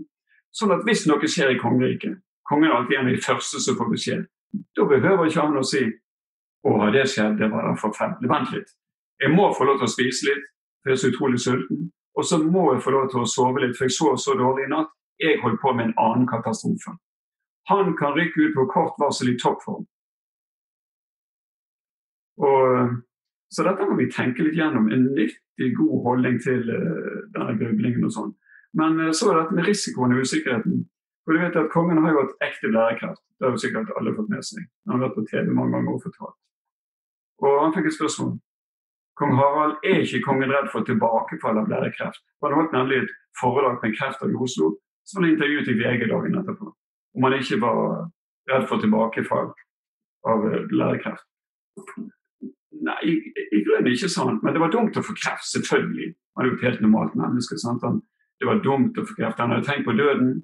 Han hadde snakket med familien. Han hadde faktisk vært en god del med for Men han hadde et par trøsteting. For det første sa han så har ikke jeg blære. Den er jo fjernet. Det var jo veldig trøstefullt med at blærekreft. Men for det andre, og det viktigste, sa han, så har vi den holdningen at jeg er frisk til det motsatte er bevist. Det er det vi kaller for kongeholdningen. Tenkte jeg det skal jammen fortelle kongene. Så ut og spør de, vet du hva kongen mener om liv og død. Nei, ikke alle er sikre. Han har den holdningen at han er frisk til det motsatte er bevist. Da er det veldig mange på Conrad som sier til meg litt artig akkurat motsatt av meg. For de skal bevise at de er friske, og det kan du aldri. Man kan aldri bevise 100% at man er frisk. Det er et valg. Men uh, så sier folk jo, men jeg, jeg vil ikke gamble med livet. Jeg skal bli 100% sikker. Og da forstår vi. Prøver du å sikre deg 100% i en verden der alt er usikkert, så må du få et problem. Og Nå skal jeg ta et eksempel. Og Det har ikke med syn å gjøre, det har ikke med å gå dårlig å gjøre. La oss ta de som uh, tviler på hjertet sitt så har vært hos flere leger som ikke har funnet noe galt. Når de kommer til meg, diskuterer ikke jeg med de om de har hjertesykdom eller ikke. Like lite som jeg diskuterer med folk som skal ut og fly om det kommer til å gå bra eller ikke. Men jeg sier til de med hjertene du kan ikke velge om du er hjertefrisk eller hjertesyk. Men du kan velge om du skal tro at du er hjertefrisk eller hjertesyk. Det er et viktig valg. Velger du å tvile på hjertet, så sier du til hjernen følg med i brystregionen. Her er noe på gang. Hvis ikke du er våken, kan det koste oss livet. Og hjernen er jo lydig, gjør akkurat som den får beskjed om. Setter på radaren, skanneren, forstørrelsesglassene, kjenner alt mulig greier. Det er en symptomgenererende holdning. Du kjenner mye mer enn du ellers ville blitt oppmerksom på. I tillegg til det så tolker du dette som skummelt, farlig eller truende. Og da kommer jo hele angstreaksjonen. Binyrene begynner å putre og gå. Så får du enda mer svimmelhet, spenninger, smerter, hjertebank, kanskje kvalme, alle angstsymptomene. Tør du ingenting. Velger du å stole på hjertet, så er du helt fri. Kan gjøre akkurat som du vil. Slutte å ta pulsen, trene i vei. Problemet er i veldig mange situasjoner i livet, kanskje de fleste, vi skal ta sånne valg, så er vi ikke 100 sikre. Vi må ta valget med en viss grad av tvil. Du kan selvfølgelig ha en legeerklæring i valgets anledning, men den, hvor lenge gjelder den? En som hadde vært hos legen mange ganger for hjertet og tatt sånn hjerteprøve i EKG. Rett før han skulle gå siste kontroll, han hadde vært, så, så spurte han legen. Sto med i døren der og skulle gå. Du kan få et siste spørsmål, doktor. Ja, det er greit, det. Hvor lenge gjelder et EKG? Hvor lenge kan jeg være trygg nå? Og Legen var fornuftig. Han sa det akkurat sånn som det er. Ca. ett sekund. På vei hjem kan alt skje. Det er den usikkerheten vi lever med alle sammen. At alt kan skje hele tiden. Men det er jo veldig lite av det som kan skje, som faktisk skjer. Så her må vi tåle usikkerheten. Når vi skal ta avgjørelsen av tvil, da skal vi ikke ta en tvilsom avgjørelse. Vi skal skjære gjennom. Det er null eller hundre. For folk prøver seg alltid, eller ikke alltid, men ofte med meg. Jeg kan jo ha litt kreft, begynne ALS. Ja, hvor sikker har du vært på at du er syk? Ja, 95 99 av og til 100. Men ja, hvor usikker har du vært? Ja, ned mot 30-40 kanskje. Jeg mener at du har hatt 30, mellom 30 og 99% av det aktuelle temaet. Og det er en sykdom som kommer og går litt. Nei, i praksis er det null eller 100 for alle praktiske formål. Vi må skjære gjennom. For det er bare litt tvil på hjertet er nok til å ødelegge alt. Selv om du da trener, så har du et sideblikk til pulsen, eller spenninger i brystet, eller om det gjør vondt, om du tåler dette. Sånn at uh, vi må skjære gjennom null eller hundre. Jeg har en kamerat i Bergen. Han heter Paul Otto Brunstad, teolog og filosof. Jeg har sitert ham mange ganger, det vet mange av dere. Eller noen av dere i hvert fall. Og han var i USA. Han er jo sånn som skal finne ut av ting. Han er teolog, filosof. Så han var i USA, kom over ordet design. Så begynte han å lure på hva betyr det ordet egentlig å bestemme seg. For han visste at suicide er selvmord, homocide er mord. Hva er det du dreper når du decide? Det måtte han finne ut. Så gikk han til røttene og fant ut at du dreper tvil og usikkerheten. Du tar en avgjørelse under tvil, du tar ikke en tvil som avgjørelse. Nå stoler du 100 For jeg tror nemlig at hvis vi, hvis målet vårt er å ha et rolig sinn, minst mulig unødvendig angst, f.eks. nå under koronaepidemien Hvis målet er å ha det så godt som mulig, så kan vi ikke vente til vi er helt trygge. Da må vi velge det. Du kan velge å stole på hjertet inntil videre, osv.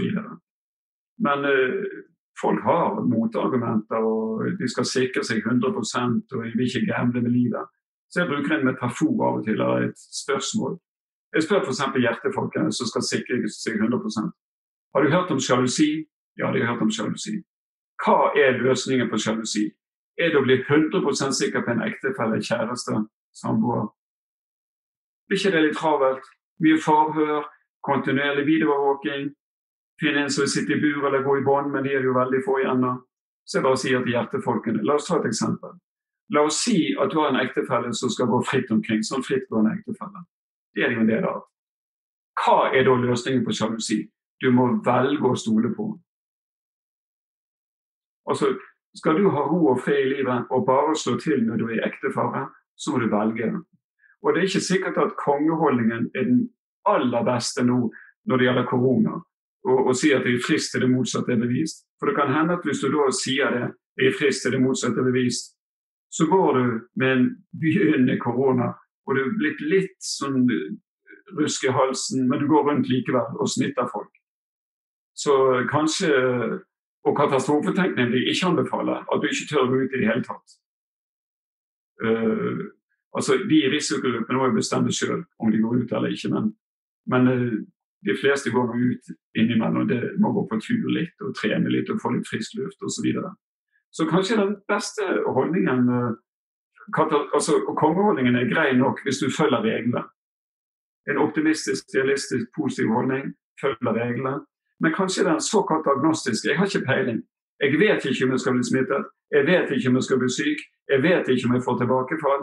Alt dette ligger i fremtiden. Men inntil videre, istedenfor så veldig negativ eller veldig positiv, jeg bare nullstiller meg. Jeg er helt avventende. Når du er til kontroll, bør ikke være så veldig positiv, men ikke være negativ nødvendigvis. For da får du en veldig vanskelig ventetid. Kan bare nullstille deg. Vi får se. Det vil jo vise seg.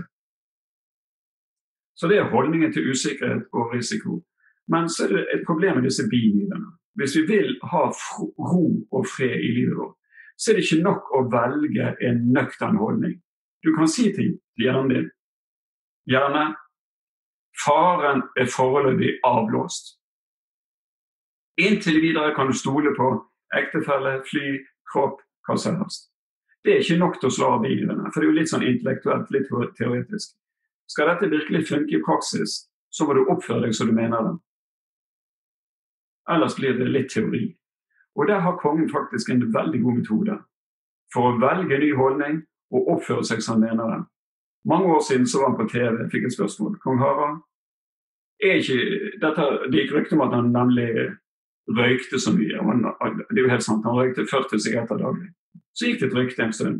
Kong Harald, Det går rykte om at kongen har sluttet å røyke. Ja, Det var ikke noe rykte, sånn, det er helt sant. Og Da lurte reporteren på var ikke det veldig vanskelig. Skuffende lett, sa kongen. Han hadde trodd det skulle være vanskelig å slutte å røyke. Men det som var vanskelig, det var å bestemme seg. Den satt langt inne. For han likte så utrolig godt å røyke. Det var sånn Kule folk, kjekt, og han likte røyken. Men når han fikk blærekreften som han hadde lest var litt røykrelatert, og hjerteoperasjonen, bestemte han seg for å slutte å røyke. Da var det greit. Han oppførte seg som han mente det. Du kan ikke bare velge ny holdning, du må oppføre deg som du mener det.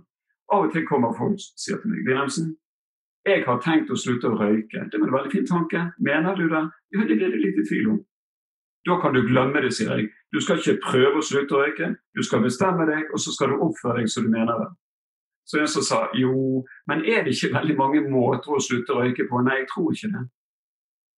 Det er bare én måte å slutte å røyke på. Du må bestemme deg, så må du oppføre deg som du mener. Og Han var litt sånn kvikk i hodet, for han sa mener du ikke røyke? Ja, jeg mener. Oppfør deg som de ikke røyker. De røyker ikke, de. Ja, mener du ikke kjøpe engang? Ja, nå er du på sporet. Han tok det så lett. Og altså, de, og selv om du da får tilbakefall, det er ikke farlig med tilbakefall. En røyker som har blitt en ikke-røyker, og så strekker han. En fotballkamp, han sitter og ser, koser seg. så strekker han og tar sin røyk. Hvis du er litt sånn alt eller intet-type, så tenker du det holdt ikke, jeg sprakk. Vi får se til neste år. Men det er jo ikke sånn at det enten er du en røyker eller så er du en ikke-røyker. Du kan jo f.eks. være en ikke-røyker som har sprukket, det er jo en helt egen gruppe. Da kan du da faktisk tilbakefallet en ny øvingsmulighet. Helt i orden. Topp, egentlig. Kan du øve en gang til og fornye valget ditt. Den nye holdningen er at du har sluttet å røyke. Sammen med katastrofetankene. Det er jo ikke unaturlig hvis du er vant til å katastrofetenke, at de kommer på nytt. Tenk om. Og så, og så, går du litt inn i grublingen før du tar deg i det. Var det det jeg skulle gjøre? Nei, det var visst ikke det. Og så tilbakefall. Så det er jo fin øvingsmulighet. Og det der med tenk om, det er ikke alltid det har den formelen. Jeg uh, hadde f.eks. en ung kvinne fra Nord-Norge på uh. Så jeg spurte hun hun hadde mye angst. Jeg spurte hun, Hadde mye sånn tenk om-tanker? Nei, det kjente hun ikke igjen. Hadde ikke mye tenk om tanker. Aldri, sa hun. Men etter en stund så veldig mye sånn enn hvis. Og det ligner jo veldig. Tenk om, enn hvis, eller bare om. Poenget er vi finner ikke svaret, det har vi jo forstått nå. Så det er OK at vi vil ha kontroll, men vi holder oss nå til egne holdninger og atferd. Og nå vet jo ikke jeg hva dere sitter og tenker på. Jeg er jo ikke tankeleser. Men det er alltid noen som spør meg, eller sier Wilhelmsen, du høres litt enkelt ut når du forklarer ting. Og jeg lurer på, var det veldig dumt? Skulle vært veldig vanskelig? Komplisert psykologisk teori, helt uforståelig? Ja, lett for deg å si, sier folk av og til til meg. Det er lett for meg å si. Jeg har sagt det utrolig mange ganger, kommer sikkert til å si det mange ganger også. Men altså, gjør det noe om det er lett å si? Mener folk at det bare skal si sånne ting som nesten ikke får uttrykt? Sitte her og lete etter ordene, litt stamming har de gjort seg. Jeg mener faktisk at det er mye som er lett å si som er helt sant. Og det skal sies. Jeg tror ikke at det er prinsippene i livet som er så vanskelig, det er å leve etter dem. Og det er jo det som er kampen, det er det som er øvelsen. Jeg sier ikke at livet er så lett. Jeg har hatt mine greier, og du har hatt dine greier. Og vi vet ikke hva som ligger foran oss. Jeg sier ikke at det kommer til å bli en rosenrød dans på roser. Eller bare kjekt. Nei, det sier jeg ikke. Men jeg sier at vi får tenke oss om, og så må vi forholde oss til det som vi må forholde oss til.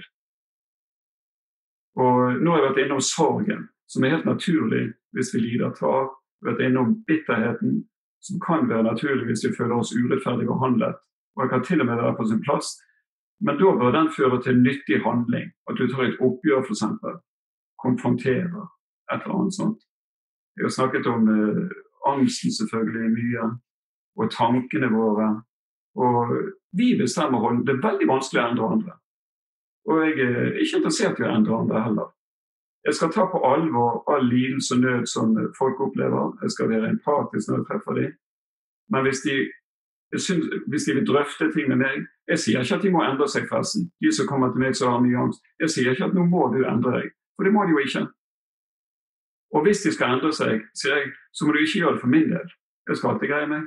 Skal du endre deg, må det være for din del. Men jeg vil gjerne få deg til å tenke, reflektere.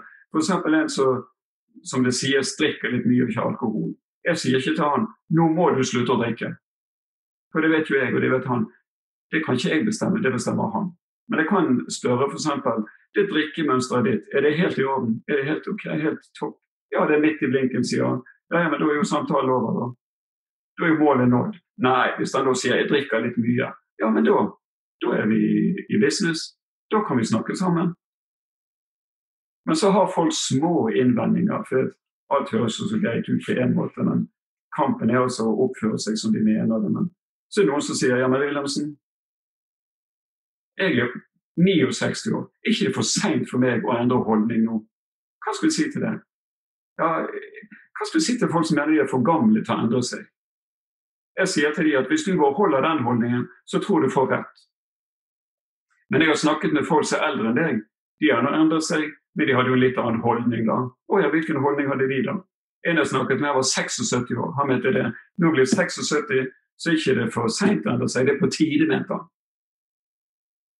Jeg er helt enig. Skal du endre deg, for å gjøre det nå, ellers kan det bli for seint. Et annet argument vi møter av og til.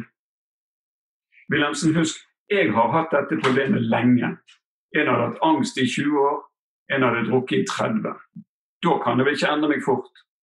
Er det sant? Er det sånn at hvis du har hatt et problem lenge, så er det et godt argument for å ha det litt til?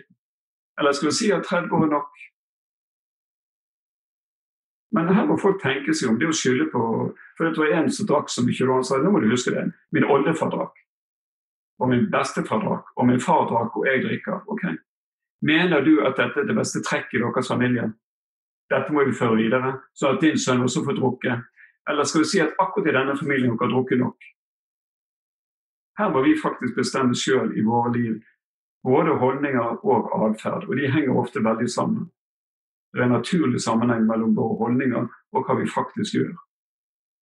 En som er veldig opptatt av hva folk syns om de, og som har som mål å bli likt av de fleste.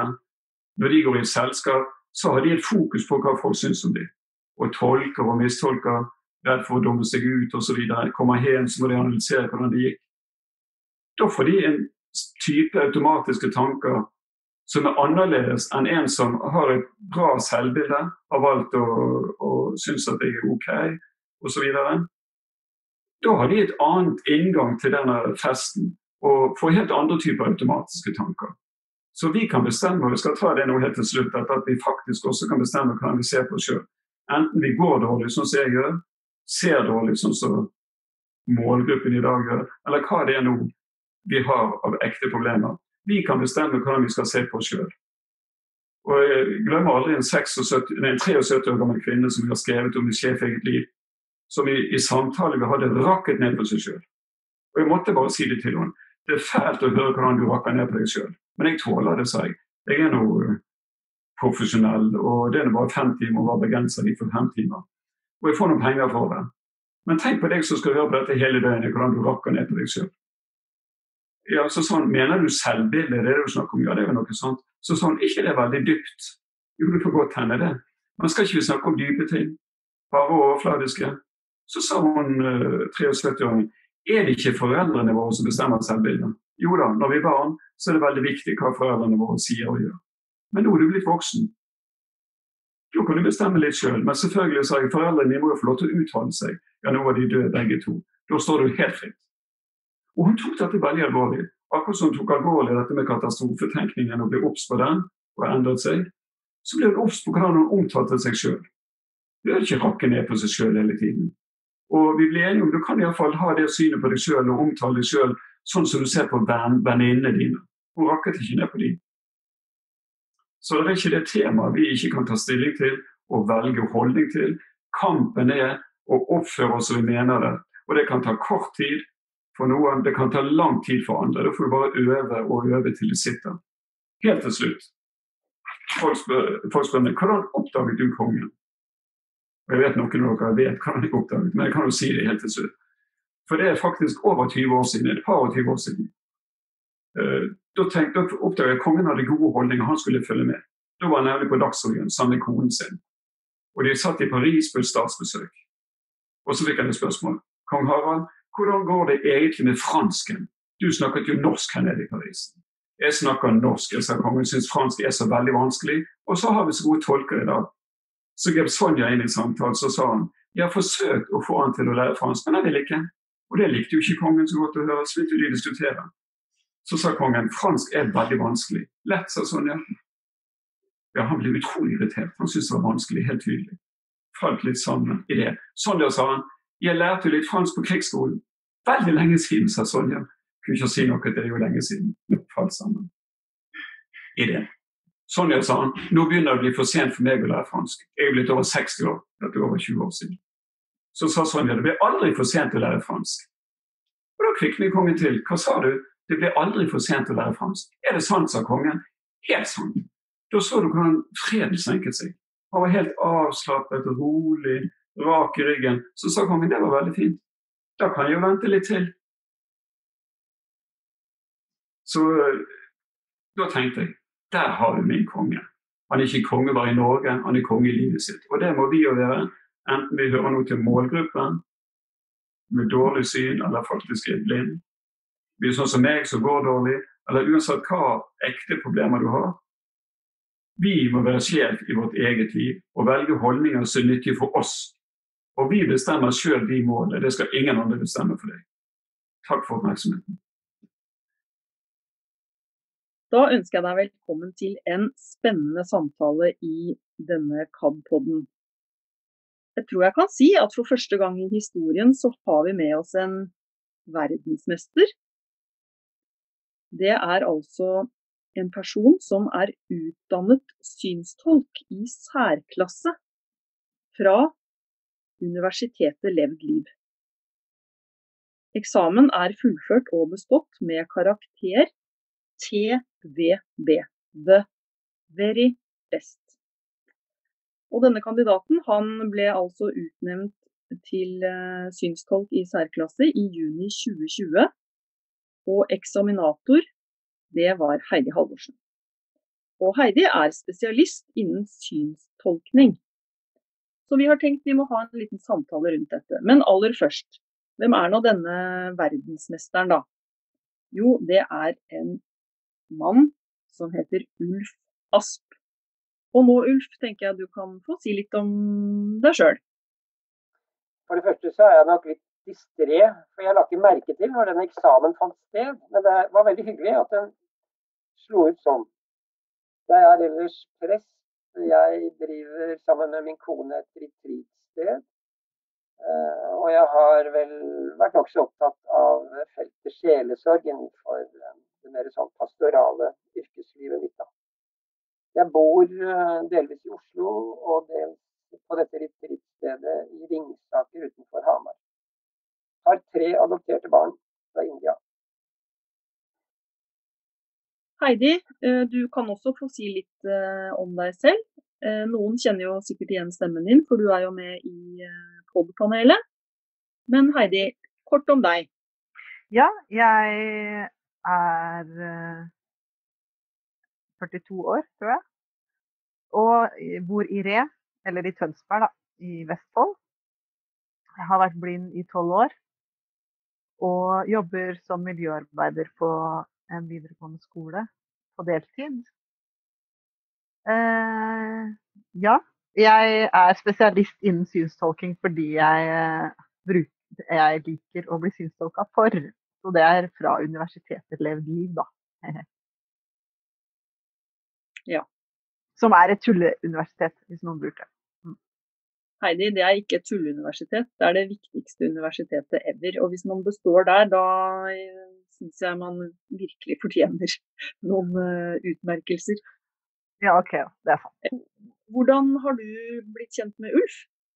Jo, første gang jeg traff Ulf, det var i en kirke der vi var og på gudstjeneste i januar 2016. For da hadde jeg fått høre at han og kona hans dreiv et retreatsted, og at de skulle ha et kurs som het livskurs. Som er et kurs der man får mulighet til å stoppe opp litt i livet og se seg både tilbake og også framover. Uh, og det var et kurs som jeg tenkte at kanskje hadde vært noe for meg. Så jeg tenkte at men jeg, ja nei, det går jo ikke. Jeg er jo blind, jeg kan ikke dra på et sånt kurs alene og sånn.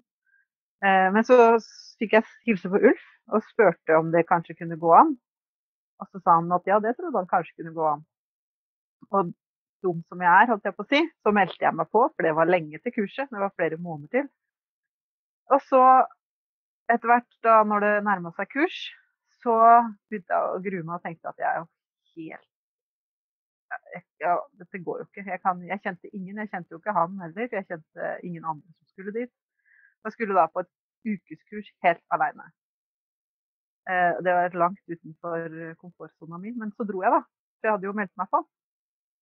Og da møtte jeg Ulf og Toril, kona, på Høgsveen retreat og gjestegård. Og det ble en uke jeg aldri kommer til å glemme, tror jeg. Eh, og en uke som har betydd utrolig mye for meg i, videre i livet også. Uh, Ulf begynte å dra meg med ut i skogen og ut i hagen og skulle vise meg det ene og få meg til å ta på blader og kjenne på steiner og lukte på blomster og jeg vet ikke hva. Og jeg hadde på en måte skrudd av den delen av livet mitt da jeg mista synet. Og var egentlig ganske frustrert over at han holdt på med det der, for jeg tenkte kan du bare la meg være i fred? Men det tør jeg ikke å si, for jeg er kjempekul. Eh, og så skjedde det noe ganske spesielt, egentlig. Fordi jeg våkna veldig, veldig tidlig på morgenen de dagene jeg var på kurs. Og en dag så tenkte jeg skal jeg ligge her inne på rommet mitt eller sitte her i tre timer fra fem til åtte, for da var da det var vekking. Så tenkte jeg nei, nå er det ingen som ser meg. Jeg prøver å gå ut og se der Ulf har vist meg. Og så gikk jeg ut. Det var, tror jeg var første gang jeg gjorde noe sånt etter jeg ble blind. At jeg gikk ut måte, og, og turte å ta på, kjenne på, å gå der jeg ikke hadde gått aleine før, eller lært meg veien. da. Det ble starten på veldig, veldig mye fint i mitt liv, da. I forhold til det å kunne åpne opp hendene og ta imot verden med de sansene jeg har igjen.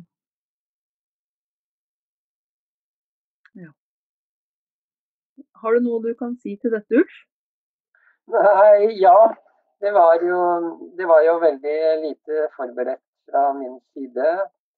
Eh, så jeg ble nok eh, veldig sånn trigget eh, og litt sånn kreativt innstilt fordi Heidi var veldig responsiv. Altså hun, hun, hun, ga uttrykk for at hun fikk med seg ting jeg fortalte eller la til rette. da. Og det betydde at jeg fikk flere og flere ideer. Og så er det jo veldig mye å ta av, da. Så det ble en veldig sånn spennende dynamikk mellom henne og meg i det å på en måte innta naturen. da. Og så merker jeg at det, jeg, jeg, treffes av en begeistring for det jeg både ser og, og, og kan legge til rette sjøl. Så det var en veldig sånn positiv greie, da. Mm. Og det har jo tatt litt av, syns jeg. Eller det er veldig morsomt, for det har jo ikke slutta der om at jeg kan gå og finne hagen sjøl. Uh, Ulf har også et seinere uh, tatt og laga litt sånn sporing innover i skogen med tau eller stokker langs bakken, så jeg kan faktisk gå en skogstur helt aleine. Det begynner å bli ganske lang skogstur òg, eller sånn ganske over et stort område flere steder. Og det er sånn jeg, jeg har aldri i min villeste fantasi tenkt at jeg kunne gjøre noe sånt. da. Så er det du som har satt navnet på disse stiene? Ja, det er det. Det er Blindveien, selvfølgelig. Det er den ene. Og så er det Villveien. Det er den andre, og den er virkelig ganske vill. Med humpete og gurumalla. Men den er morsom. Men dere har jo Én eh, ting er at dere utforsker Høgsveen sammen. Eh, jeg har også vært der, et flott sted. Vi har hatt en retreat i KAB-sammenheng. Og det er jo i utgangspunktet ikke et direkte universelt utformet uh, sted. Det er flere bygg og trapper og hit og dit. Men et nydelig sted. Eh, så der har du jo virkelig fått boltre deg, Heidi. Ja. Men jeg har skjønt at dere også dere har blitt litt sånn byfolk. Dere har ja. dratt tradisjoner i Oslo. Fortell om mm. det. Ja, eh, det begynte med at det var på et av de kursene så skulle man sette seg, eller ett av de, hver kanskje, litt sånn målsetninger for videre hva man ønska liksom, å gjøre videre. Og da satte jeg meg et mål som het 'Heidi oppdager verden'. Og så blei Ulf med på å bli med litt til det målet. Så vi, det første vi gjorde, det var å dra på Nasjonalgalleriet for å se på bilder. Ja, jeg var så spent, for jeg tenkte det, det er jo helt det, det går ikke an, på en måte. Og så fikk jeg kjempe, kjempegod opplevelse sammen med Ulf der. der jeg, jeg, glemte faktisk at jeg ikke så, fordi Eh, det blei så levende, det Ulf fortalte. da. Det han beskrev at han så. Og så har vi gjort flere andre ting òg. Nå sist eh, på torsdag så var vi på en utstilling, eller et vandreteater, i gamlebyen i Oslo. Som òg var veldig, veldig spennende. Der vi også fikk historien til mange folk som bor og har bodd på, i gamlebyen. Eh, forestillingen het 'Naboen'. Og der hørte vi litt på MP3-spillet på øret mens vi gikk rundt i byen. Og Ulf fortalte hva vi så eh, langs veien og hvor vi gikk. Det å vandre midt i en utstilling sånn, det var veldig, veldig gøy. Ja. Men Ulf, jeg tenker eh, å ta med en blind på Nasjonalgalleriet, det er jo ekstremsport, er det ikke det? Eller hvordan syns du det er? Nei, det er jo, jeg var jo veldig spent. Eh, jeg syns jo først og fremst det er ganske fascinerende. Eh, så det får veldig liten karakter av at jeg gjør en jobb for noen. Eh, vi, vi opplever det på en måte med at vi gjør det sammen. Mm. Og det er ganske spennende da, at jeg kan beskrive ytre størrelser, farger, nyanser, plassere det litt i bildet. Eh, og etter hvert så bygger det seg opp et eller annet i Heidi som, som er veldig i pakt med det jeg ser, og så fyller jeg på videre. Eh, så vi kan dvele ganske lenge ved et bilde inntil vi går til et nytt. da. Så det er rett og slett en, Jeg hadde vel aldri hatt en sånn galleriopplevelse sjøl uh, uten den dynamikken. Ja, f.eks. så så vi på et bilde jeg har sett før på ordentlig, som heter 'Brudeferden i Hardanger'. Har dere noen gang lagt merke til ansiktene i den båten? Det hadde jeg aldri tenkt på før Ulf og jeg sto og så på det bildet. Har du, Hilde? Nei, det kan jeg vel ikke si at jeg har bitt meg veldig merke i. Nei, så det er, det er morsomt, for jeg får liksom oppdage masse detaljer i et bilde som jeg tror ikke jeg hadde sett hvis jeg bare hadde sett det heller. Så det syns jeg er ekstra gøy. De ser ikke veldig fornøyd ut, nemlig. Nei. Det burde de jo være. Ja. Men er det noe med det at når man, når man skal synstolke et sånt bilde som du gjør, da, så må du på en måte Du må faktisk se ordentlig etter. For det er jo noen bilder, sånn som det bildet, tenker jeg, det har jeg sett så mange ganger at det, det er jeg kanskje litt ferdig med, jeg vet ikke. Men, men at man da må liksom ta bort um, egentlig de tankene du sjøl har om det bildet. Du, for du prøver å beskrive det litt sånn nøytralt. Ja, det tror jeg er riktig. Eh, jeg, jeg, går på en måte i møte med det bildet uh, veldig sånn åpent og, og helt på nytt.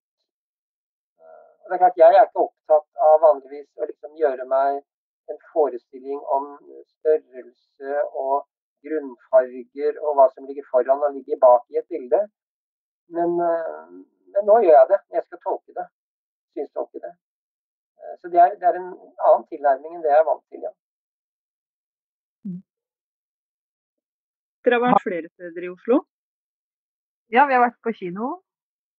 Det er ikke alle filmer som egner seg så godt, men rolig, sånn som litt rolig tempofilmer går veldig bra. Eh, og så har vi vært på Fredssenteret. Og vi har vært i Rådhuset. Har vi vært flere steder ut? Gatelangs, Gamle Aker kirke. Ja. ja. Domkirka. Domkirka. Akerselva. Og eh, faktisk Botanisk hage. Ja, ja. Det jeg syns er på en måte helt Jeg har jo hørt en del eh, ferdig laget synstolking òg, f.eks. på kinofilmer eller TV-programmer og sånn. Eh, og det syns jeg er hovedforskjellen med det og når Ulf tolker, da, eh, er, er, det at Ulf forteller meg ikke hva, hva det er han ser. Han forteller meg han beskriver hva han ser, han sier ikke hva det er, på en måte, hvis den forskjellen er uh, forståelig. At f.eks. For så kan han si fra en film vi så uh, nå, en bil som kjører bortover en landevei. Det er ganske øde strekninger med jorder og skog. Oi, nå kommer de til en stor asfaltert plass. Der står det en del andre biler fra før, og det er et stort bygg som ligger foran dem. De går ut av bilen, de går inn i bygningen. Der er det en rulletrapp som går oppover til et stort bygg. Og så sier jeg til Ulf Å, er de på flyplassen? sier jeg. Ja, sier han. Han, han kunne jo bare sagt ja, nå kommer de til en flyplass. Men, han, men sånn han beskriver, da, så sier, lager ordene hans lager bilder i huet på meg. I stedet for at han bare skal liksom, servere meg en ferdig pakke. eller hva jeg skal si da. Det er det jeg liker veldig, veldig godt. Eh, for vi kan jo nærme oss nær sagt hva som helst. Eh, og jeg bare forteller hva jeg ser, uten å ha noen forståelse av det jeg ser, egentlig. Ja. Vi har jo tenkt at vi skal prøve dette litt sånn i praksis her nå. Mm. Forklar, Heidi. Ja, jeg spurte om Ulf hadde et eh, bilde. Det er et maleri, tror jeg. Som han kunne synstolke her på direkten. Eh, jeg fant et, eh, et, kort av et bilde som ofte finnes i en veldig stor sammenheng. Det henger i St. Petersburg og er jo Rembrandts eh, 'Den hjemkomne sønnen'. Det er et utsnitt av det, bare. Mm. Um, Og det sitter jeg med foran meg nå, da. Og det er altså dobbelt så høyt som det er bredt. Mm. Um, nederst i bildet så uh, ser vi litt av et gulv som er ganske belyst, egentlig. Og så ser vi to føtter uh, som vi ser bakfra. Altså tærne liksom står loddrett på gulvet. Mm. Uh, og over hælene på denne skikkelsen så ligger på en måte kappa hans drapert på en måte. Mm. Skikkelsen er Vi ser to skikkelser. Den ene skikkelsen er vendt med ryggen mot oss. Mm. Han har en sånn lys Ser ut som en ganske skitten. Den har vært lys. Kappe uten krave, ser det ut som, men et reip rundt livet. Skikkelsen ser sånn relativt slank ut. Hvis vi følger Og hodet hans går litt over midten på bildet, da. I høyderetningen. Og så er det en skikkelse som er vendt med ansiktet mot oss. Um, som, hvis vi starter i toppen av bildet, så, så møter vi dette ansiktet på en mørk bakgrunn. Uh, vi ser ikke hva som er i bakgrunnen. Uh, og så panna hans er veldig lyssatt på nesa. Øyelokkene er nokså igjen, dvs. Si han har blikket nedover. Uh, han har skjegg som har en liten spalte, ser det ut på midten. Dvs. Si det er sikkert bare et mørkt felt, da. Men det er gråstengt. Vi ser så vidt antydning til dette. Ansiktet er ganske magert, og skjegget går i med håret. Ikke sånn veldig langt hår, men sånn 5-10 cm ut til siden, faktisk. Han er ganske rufsete. Panna virker veldig sånn glatt og lyssatt, som jeg nevnte. Og det er en veldig sånn aldrende mann med markerte trekk, litt sånn magert ansikt da, og en litt spiss nese. Om skuldrene, skuldrene hans er ganske sånn avrundet, så har han et rødt, markert rødt eh, sjal, ser det ut som. Med to dusker på. Det har jeg i grunnen aldri sett på dette ganske kjente bildet. Og de to buskene, som også er røde, det er et veldig Måten han holder på, da, det er, det er liksom ikke en som blir holdt fast. Nei. Men det, hendene er bare liksom lagt veldig ømt på skuldrene hans. Og han er på en måte gjemt i, uh, veldig nær hans hjerte, må det jo bli fysisk. da. Takk. Ja, tusen takk, Ulf. Dette var jo spennende å høre på. Og jeg tenker at vi alle sammen, vi som, som ser, da, ved å synstolke, så tror jeg nok kanskje at man ser ting litt sånn på nytt, eller på en annen måte, eller Ja, ja veldig. Så her er det jo bare å øve, folkens. Eh, og når vi er ute og går, så kan vi jo snakke litt om hva vi ser. Eh, Det, en fascinerende ja. Hva sa du, Heidi? En fascinerende ting syns jeg da, er at de bildene som jeg har i hodet av det Ulf har fortalt meg om, er like sterke bilder som bilder jeg har i hodet fra jeg kunne se. Vi nærmer oss slutten på denne samtalen, men, men før vi runder av, Heidi, så har jeg lyst til at du kan si litt om hvordan du syns det var med retreat, og om det kan ha noe Hvordan du kan koble synstolking på et uh, retreat-opphold.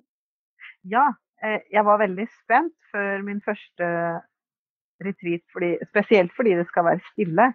Og det å vite om det er andre mennesker i rommet, det kan jeg for så vidt høre hvis det er stille, hvis det ikke sitter helt musestille, da. Eh, Men å vite hvem det er, og det å være i et rom uten at du veit hvem andre som er der, eller om det er noen der, eller hvor mange som er der òg, det er litt ekkelt, syns jeg. Så det var kanskje det jeg var mest spent på i utgangspunktet.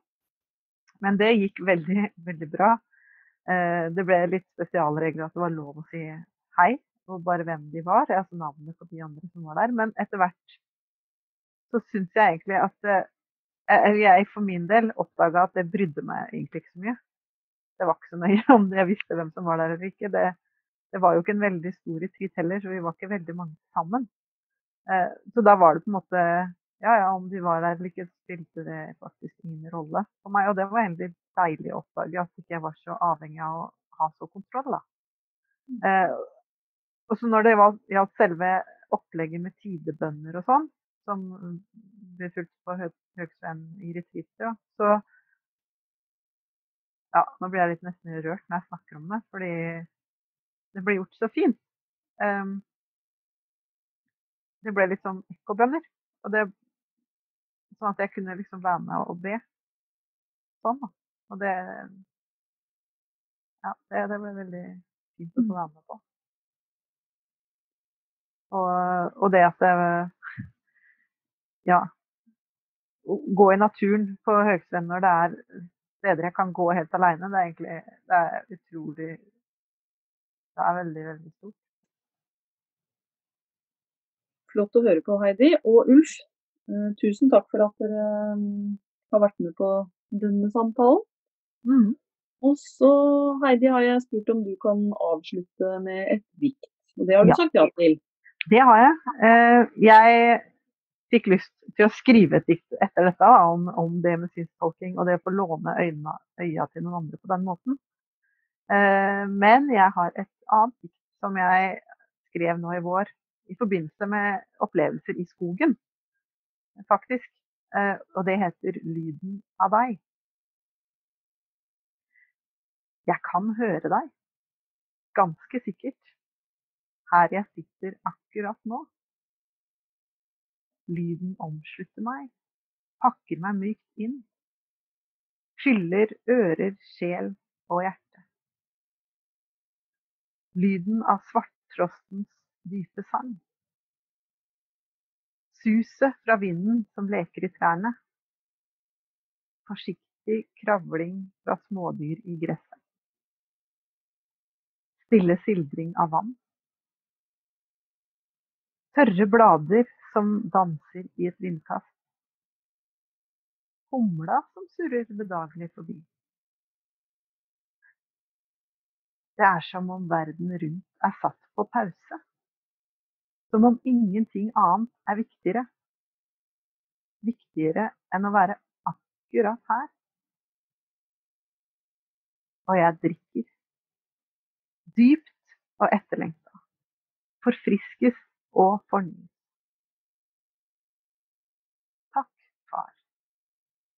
at jeg får leve. At jeg får høre og kjenne lyden av deg.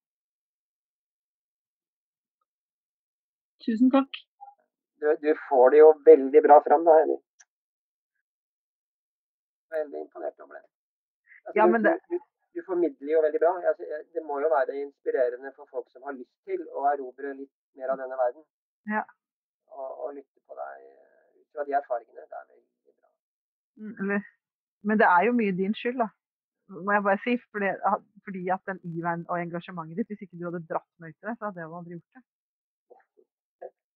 Nei, det er en bra kombinasjon, da. For, og, og, på en måte det å måte, Jeg tror det er veldig mange Jeg tror ikke det bare er jeg som tenkte sånn. At det, den, den, delen av livet er på en måte over. Eller den mm. er jeg avskåret fra, da, på en måte. Ja, ja.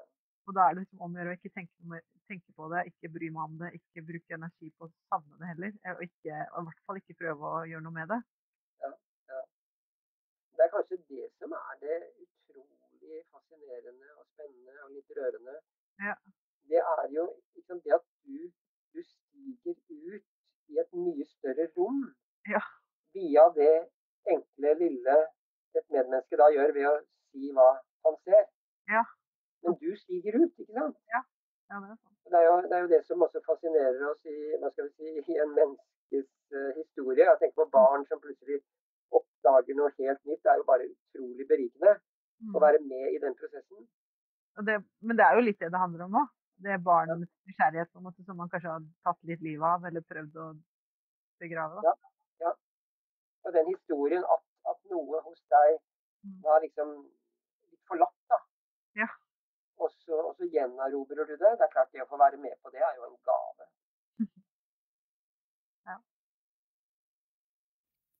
Dagens tro og tanke er hentet fra boka Stol på at det lysner av Thomas Sjødin. Kapittelet heter å være en hvem som helst, og det er Jan Rikard Slang som leser.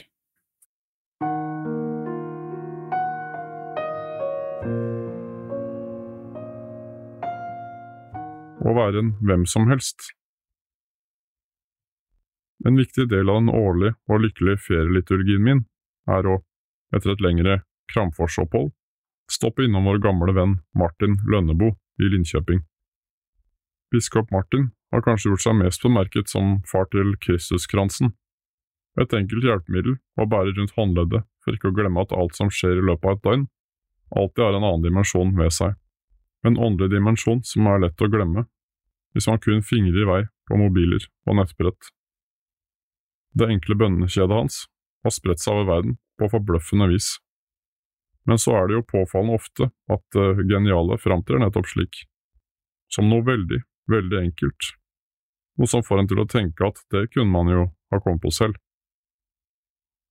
Problemet er bare at det gjorde man ikke. Det er som når man hører på et medmenneske si noe, og innser at en selv har tenkt akkurat det samme i mange år, men liksom aldri helt kunne sette ord på det.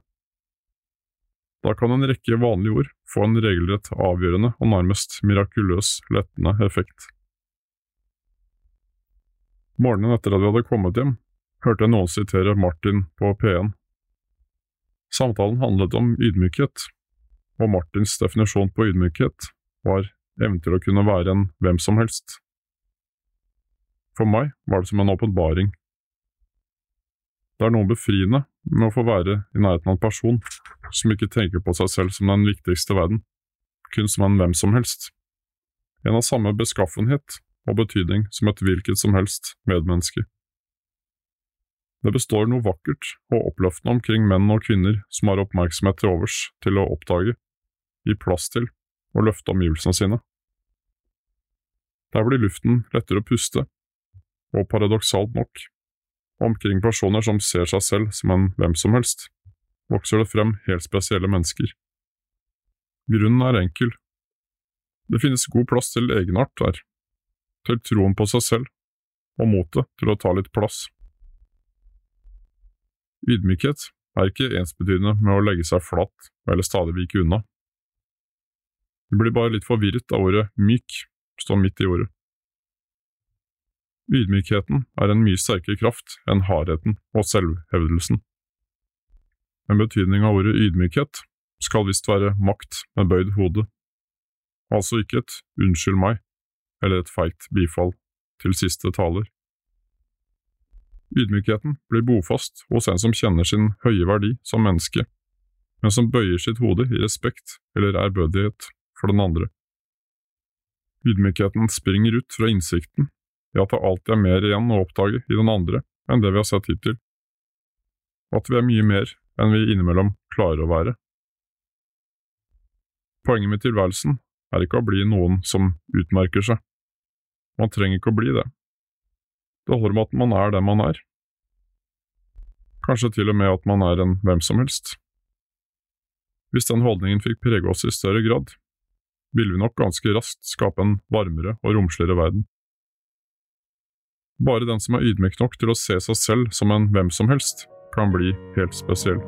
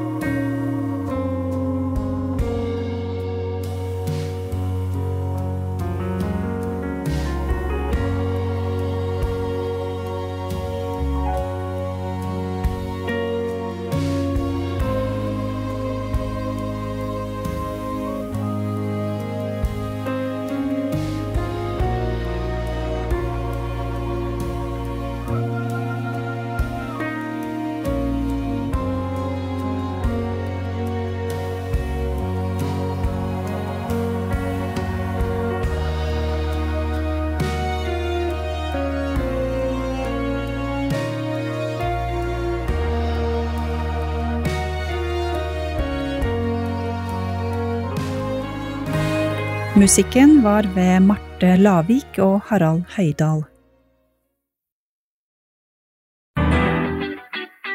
Dette var gitarriffet som alle gitarister i TenSing måtte kunne. Dette var sangen som alle TenSing-kor sang. Husker du han? Kanskje du likte mer sånn hard stil, som Master Music kalte det for?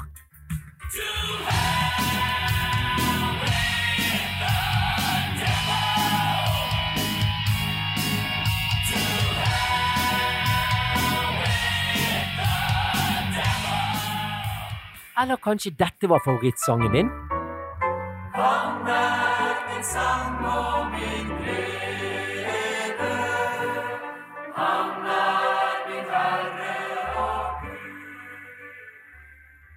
Nå skal du få lov å være med og mimre. Fra den gang da da kristen rock og kristen pop var stort i Norge. Du skal få møte artister fra den tiden. Du skal få møte Olav Solvang, som har skrevet en bok der han tar for seg alle som driver med kristen pop og kristen rock i Norge.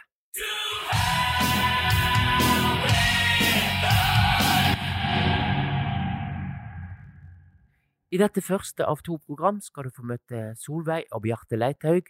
I tillegg så skal vi i begge programmene ha med oss eh, guru og journalist i forhold til kristenpopen og rocken i Norge, Olav Solvang.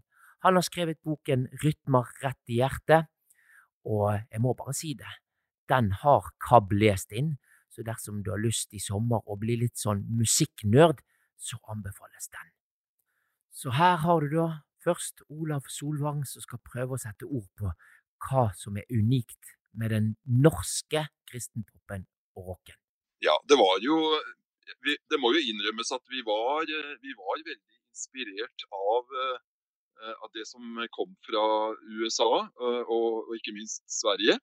eh, Som i hvert fall ikke var seinere ute enn oss. USA var før ute. Det var jo en, en, en del av, av Jesusvekkelsen på slutten av 60-tallet. Eh, og så ble dette også populært i Norge. Og så ble det jo, ble det jo eh, fikk vi jo et, et norsk preg på det. Og noe som var med på å gi oss det norske preget, det var jo bl.a. disse korene vi fikk. Eh, Tensing var jo inspirert av Up, Up With People og hadde jo litt av det i seg. Eh, selv om Rune Larsen gjorde sitt beste for å på en måte finne en ny og annen vei. Eh, og så hadde vi, eh, hadde vi eh, noe som het bedehusmusikk, da, som gradvis ble, ble mer rytmisk. Eh, Så sprang det også ut litt derfra, denne, denne kristne norske popen. Så fikk, det ble en sånn blanding av import, eh, særlig fra eh, USA og Sverige, og ting vi sjøl hadde hatt en tradisjon på her hjemme på berget. Vi, vi fikk utrolig mange kor, som igjen var ofte utgangspunktet for kristne soloartister og kristne band på den tiden. Silje Nergård har vel sagt at eh, for henne var Respons Tensing Hamar den første muligheten til å stå med en mikrofon foran andre og, og synge. Sånne som, som Solveig og, og andre på 80-talls kristne 80-tallsartister som Bjarte Leita f.eks. Det krydde av gode artister og band på den tida. Og de opplevde, som du sier, ofte eh, å bli møtt av en stor masse, enten det var skjærgårdsgospel med tusenvis på tusenvis av mennesker, eller det var gospelgalla i Drammenshallen med 5000 mennesker, ikke sant. Så de, de jeg vil si de var, de var heldige, og vi var heldige som, som på en måte fikk oppleve den tida der. For det, det, var, det var ganske unikt både i kristen sammenheng, men også i norsk musikksammenheng, vil jeg si. ja.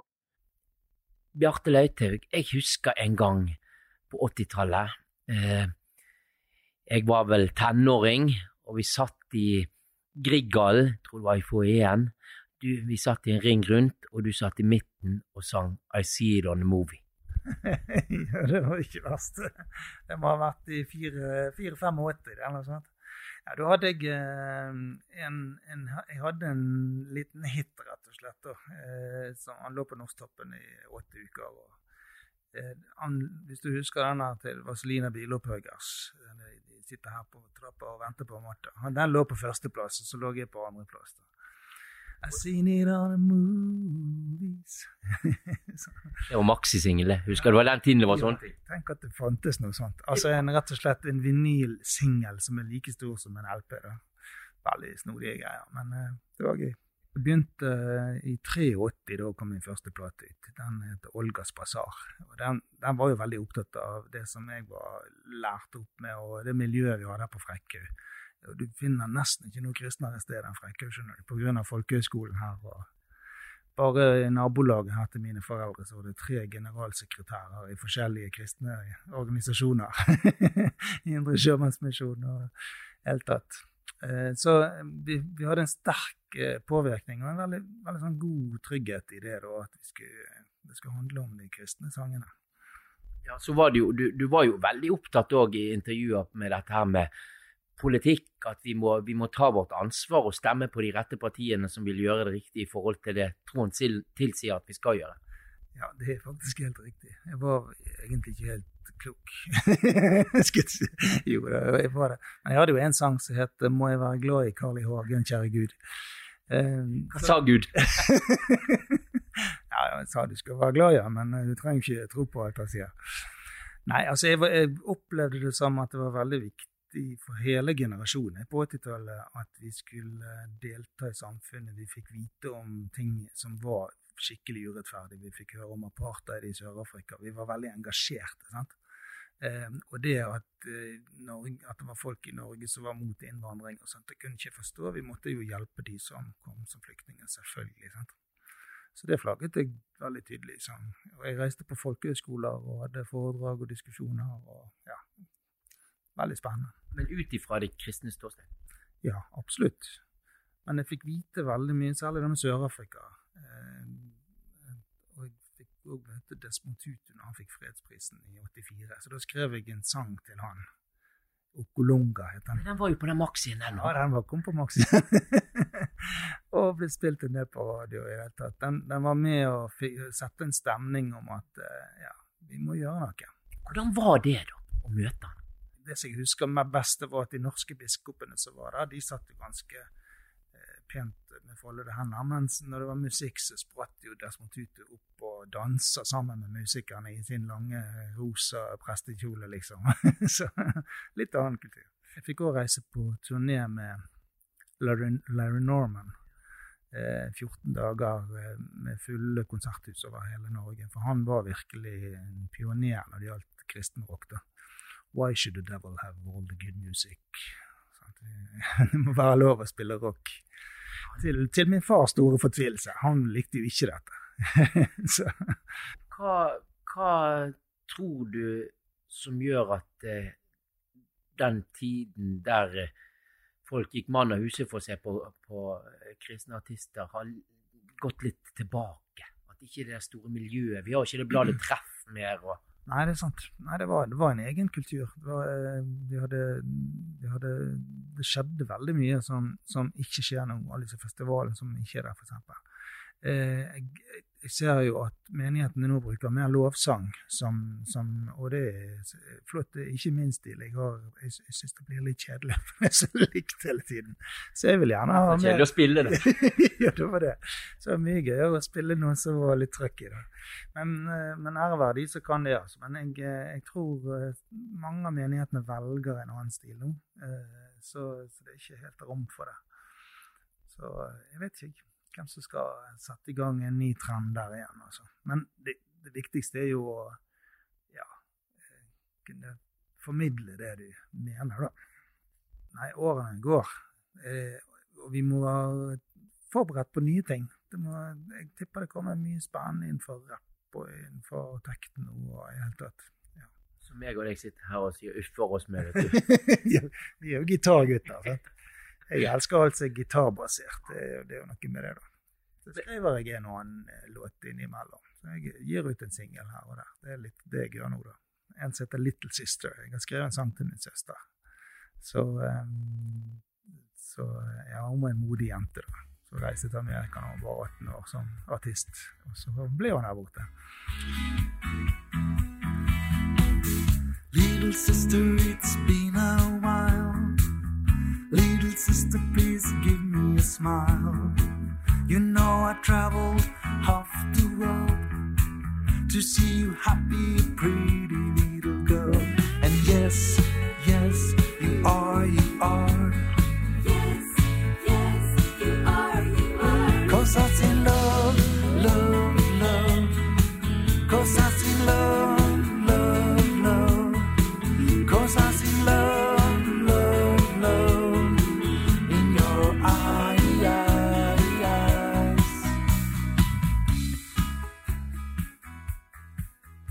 Ja, det var, det var en fantastisk tid. Um, jeg, jeg var jo svært heldig, for å si det sånn. Jeg, jeg uh, syntes det var veldig gøy å spille gitar, og min bror Bjarte var mitt store idol. da. Han er litt eldre enn meg, og han, han var så snill han lærte meg en del av mine første grep eh, på gitaren. og eh, tok litt timer på piano og sånn. Så når jeg var ung tenåringsjente, så lærte meg alle sangene til Bjarte. Men de var jo egentlig feil toneart for, meg, for min stemme. da. det var liksom, Jeg prøvde å synge de på den, den tonearten som passet for Bjarte, men så sa han etter hvert nei, Solveig, du må, jeg syns du skal prøve å skrive dine egne sanger.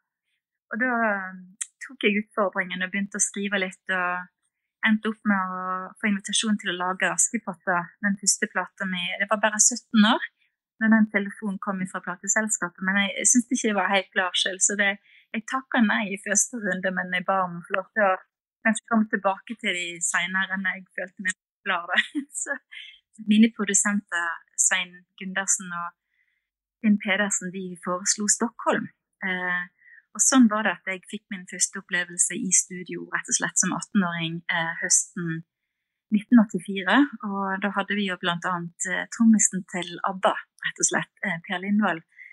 Jeg fikk jo spille gitar sjøl, da. Det var så gøy, for eh, produsentene mine mente at, eh, at det var viktig å beholde hva skal jeg si, den delen av den jeg er som artist. da. Så jeg spilte faktisk gitar i studio i Stockholm med bandet. da. Um, så sånn ble det at uh, låtene som jeg lagde på jenterommet på Frekkhaug, hva skal jeg si, um, plutselig ble uh, litt sånn hva skal jeg si, tilgjengelig da, gjennom vinyl og kassetter for hvem som helst som ville høre på dem. Liksom. Det var utrolig spennende.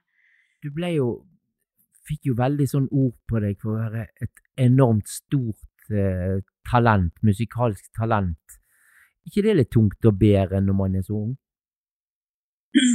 Det var jo Hva skal jeg si Tusen takk, forresten. Eh, eh, jeg hadde en enormt stor eh, hva skal jeg si, musikkglede, og den har jeg fremdeles. Eh, eh, hvis du hadde vært hjemme i huset vårt i går kveld, så hadde, jeg, hadde du sikkert da hadde du merka at jeg spilte gitar rett og slett hele kvelden mens vi så på TV.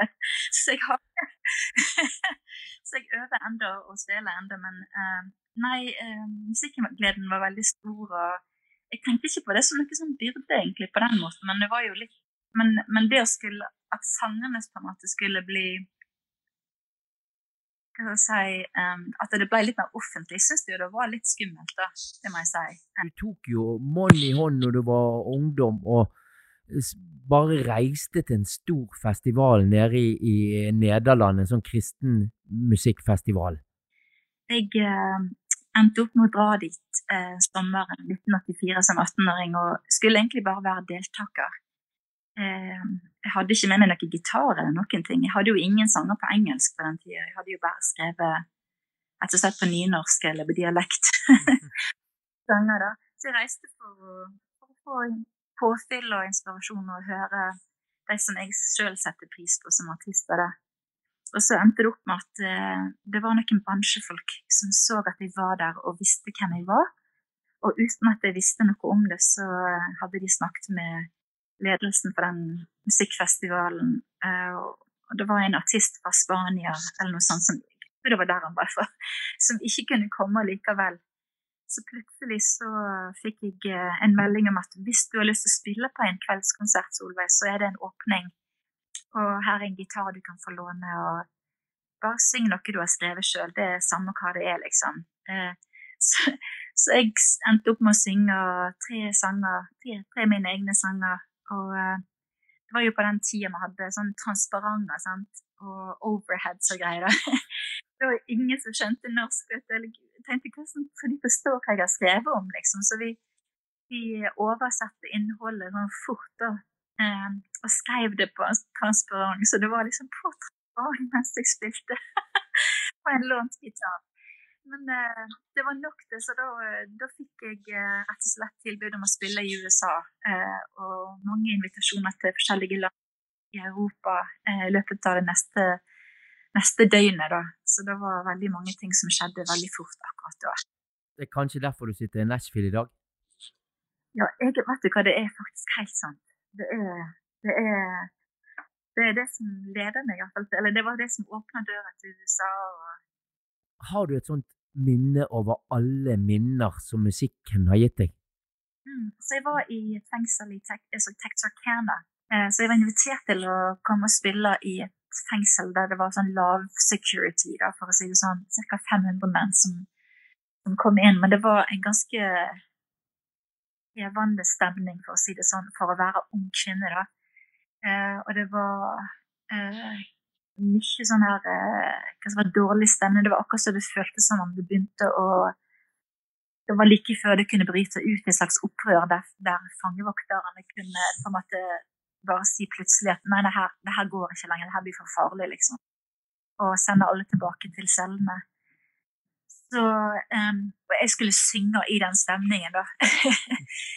Eh, det var ganske spennende. Jeg hadde ikke med meg noe band, det var bare meg og gitaren. Eh, og da tenkte jeg så, bare heiv opp en bønn til Gud. Så kjære Gud, hva, hva skal jeg synge? Da slo det meg den sangen. skal jeg si. I love you, Lord. Så jeg endte opp å synge den. Og det ble så Det var akkurat som en Jeg kan nesten ikke forklare stemningen, men det gikk ifra den her at det nesten ble opprør. da, Eller sånn at folk måtte bare bli sendt tilbake, og hele, alle, hele møtet eller konserten ble avlyst. Til at alle satt eh, helt stille og hørte etter.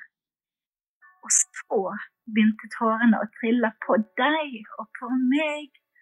Og plutselig så så jeg ikke mennene som eh, hva skal jeg si, kriminelle, men det var akkurat som jeg så, kunne se på dem som onkler eller brødre, og de så på meg som en det var, det var, så mye respekt altså hele situasjonen bare ble helt helt annerledes. Så eh, for å si det sånn, eh, jeg har mange historier, men det, det er noe av det sterkeste jeg har opplevd eh, med en sang, da, for å si det sånn.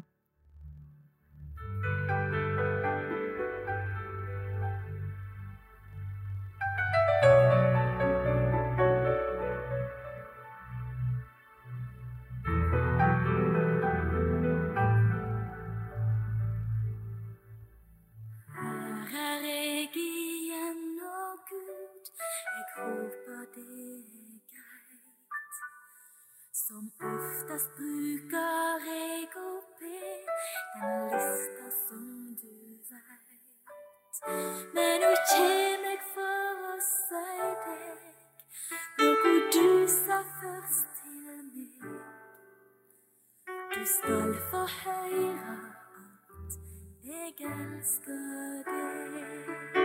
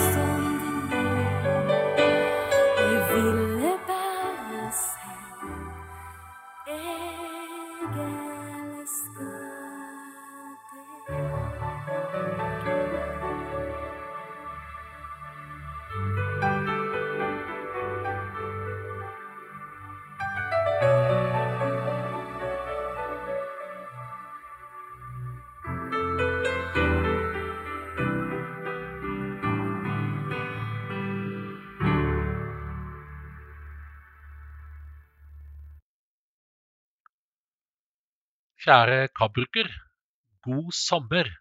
Ja, nå er sommeren her, og det er en annerledes sommer der vi skal være sammen, men samtidig holde avstand. Mange synshemmede syns det er vrient, og noen opplever at det blir så vanskelig at de heller isolerer seg. For hvordan kan man vite at man holder nok avstand? Og hvordan skal man ta det når man får skjenn fordi man er for nærme?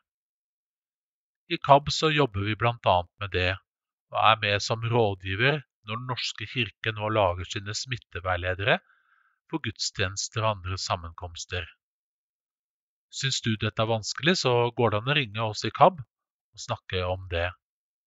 KAB-huset har åpent hele sommeren, men med litt redusert kapasitet på utlånet i biblioteket. Men folk er her uansett hver eneste dag. En god del av dere er med på nettmøter. Noen er litt usikre på denne kanalen, og i sommer så inviterer vi til nettmøte på onsdager, såkalte frokostmøter, klokka ti. Husk at du kan være med selv om du bare bruker en helt vanlig telefon. Ta kontakt med oss på KAB, så hjelper vi deg i gang. Et nettmøte er ganske likt et vanlig møte eller et seminar med ulike temaer, og noen holder en kort eller lang innledning, og deltakerne kan spørre eller snakke sammen. De som har vært med, sier at det er ganske fint, og det er en fin måte å møtes på. Jeg vil spesielt minne deg på dette med vårt land på lyd fremdeles. Vi maser litt om det og sier at eh, dere bør abonnere på det. Vårt Land er en dagsavis som skriver om kirke og tro. Det er mye bra kulturstoff, og du får også en oversikt over nyhetsbildet generelt, og gode politiske analyser og kommentarer. Du kan abonnere på en daglig utgave av denne avisen nå på lyd. Og du velger selv hvordan du vil spille den av, på CD, via lydhør eller andre måter. Vårt Land er redigert med Daisy-struktur, så du kan hoppe fram og tilbake og lese det du har lyst til. Det er viktig at så mange som mulig blir med på dette. Selv om du kanskje ikke leser avisa hver dag, men har lyst til å lese Vårt Land av og til, så er det fint om du også er med. For da viser vi et behov for eh, denne typen lydprodukter. Eh, og på sikt så kan det hende at den eh, også kommer i en digital innlest utgave. Så ta kontakt, eller søk opp Vårt Land i mappa mi eller på lydhør. Men det er viktig å vite at hvis du starter abonnementet via lydhør, så får du automatisk tilsendt CD-plater også. Da må du ta kontakt med KAB, så skal vi hjelpe deg med å slippe de CD-platene hvis ikke du ønsker det. Det skjer mye i KAB for tida. Landsstyret holder på å sette i verk KABs strategiplan, og det vil medføre endringer i staben. Og vi skal ta tak i flere helt nye arbeidsområder. Det kommer noen til å merke allerede til høsten, for da skal vi prøve å lage noen flere kurs rundt omkring i landet vårt som dere kan delta på. For å holde deg godt informert, så vil vi fra høsten av sende ut et nyhetsbrev på e-post og som lyd-CD eller lydfil til alle våre medlemmer. Er du medlem, får du det automatisk. Er du ikke medlem, så kan du melde deg inn, og du trenger heller ikke være medlem for å motta dette nyhetsbrevet. Si fra, så sender vi det til deg. Når vi nå skal videreutvikle KAB framover, så vil vi gjerne snakke mer og tettere med dere som bruker KABs tilbud. I høst skal vi sette sammen flere brukerpanel og ønske kontakt med deg som kan tenke deg å være med og dele dine meninger og tanker om hva KAB skal gjøre framover. Vi vil rett og slett høre hva du trenger å bruke KAB til, og hva du vil KAB skal jobbe mer med. Ta kontakt med meg på telefon 400 20 801, eller send en e-post til oivind, voie, w-o-i-e, krøllalfa, kab, k-a-b-b, punktum, no. Dersom du vil være med selv, eller kanskje du vil anbefale og tipse meg om noen. Til slutt, vi har sendt ut en purring på medlemsavgift. Det er ikke fordi vi har så lyst til å mase så veldig, men vi har lyst til at så mange som mulig skal være medlem av KAB. Det er ikke dyrt, det koster bare 125 kroner for et medlemskap. Det du skal huske på i tillegg til å vise at KAB er en organisasjon du trenger, er at ditt medlemskap utløser mye penger fra det offentlige. Et medlemskap i KAB er kanskje det viktigste bidraget du kan gi akkurat nå. Så vil jeg ønske deg en god sommer. Ta vare på deg sjøl og de som er rundt deg. Ta kontakt med KAB og bruk de tilbudene og tjenestene som vi har, sånn at du har gode og rike dager. God sommer. MT, NMS, Misjonstidene 0420, juni 2020, årgang 175. På forsiden leser vi Portrettet Mona og Dagfinn Enerly sammen i gode og onde dager. Tøft økonomisk, men giverne har hjulpet NMS. Midtøsten Satt sju underviser millioner. Tema Sammen. Misjonstidene. Nummer 4 2020 Utgitt av NMS Det Norske Misjonsselskap. Www.nms.no Besøksadresse Misjonsmarka 1 4024 Stavanger. Postadresse Boks 226 Sentrum 4001 Stavanger. Telefonnummer 51 51 61 00 Gaver til NMS Bankgiro. 8220 02 85 057 Det gis 23% skattefradrag for gaver inntil kroner 50 000 per år. MT-redaksjonen Tips. Mt alfakrøll nms.no Telefon 51 51 61 40 Ansvarlig redaktør Generalsekretær Helge Eskar. Redaktør Martin Eikeland. Martin punktum Eikeland. Alfakrøll nms.no Telefon 40 40 60 26 Redaksjonsleder Andrea Stirdal Kydland. Vikar Andreas K. Alfakrøll nms.no Telefon 988 70 938 Leder. Det store fellesskapet. Det heiter ikke eg nå lenger, heretter heiter det vi. Diktet Tung tids tale, som Haldis Moren Vesaas skrev i 1945, setter ord på det mange føler etter denne våren. Vi er blitt isolert bak stengte dører og utelukket fra vanlige fellesskap. Fysiske møter og hjertelige håndtrykk er erstattet av digitale møter og forsiktige nikk. Mange har mistet mye denne våren. For noen kan tapet måles i kroner og øre, men vel så stort er tapet av fellesskap, slik mange har følt. Vi har vært i en situasjon der vi ikke har hatt mulighet til å gjøre gode gjerninger eller være et viktig medmenneske. Når koronarestriksjonene langsomt lettes, er det for mange en stor glede å være en del av et godt mellommenneskelig fellesskap under årets sommerfest og generalforsamling. NMS er en del av et verdensvidt fellesskap. Av kirker og samarbeidsorganisasjoner fra hele verden har vi fått meldinger om at koronapandemien har utløst nød og lidelse. Samtidig har vi i NMS vært rammet av en radikal inntektssvikt, primært fordi vi ikke lenger fikk penger fra våre gjenbruksbutikker. Lenge så det ut som om vi måtte kjempe for vår egen eksistens. Men midt i denne vanskelige situasjonen har våre givere vist at de ser sin plass i det store fellesskapet. Selv om vi ikke har fått korrekte fra misjons- eller foreningsmøter, områdestevner eller kirkeofringer, har inntektene ikke gått ned.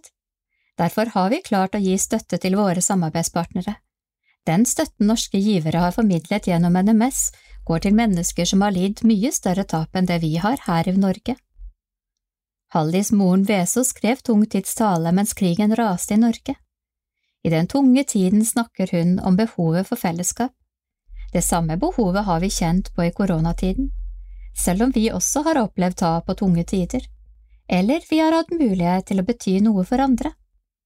Eller, som Hallis moren Vesaas formulerer det, det er mange kring deg som frys. Vær du eit bål, strål varme frå deg. Det er godt å være en del av fellesskap, både det nære og det store verdensvide fellesskapet. Martin Eikeland, kommunikasjonsleder.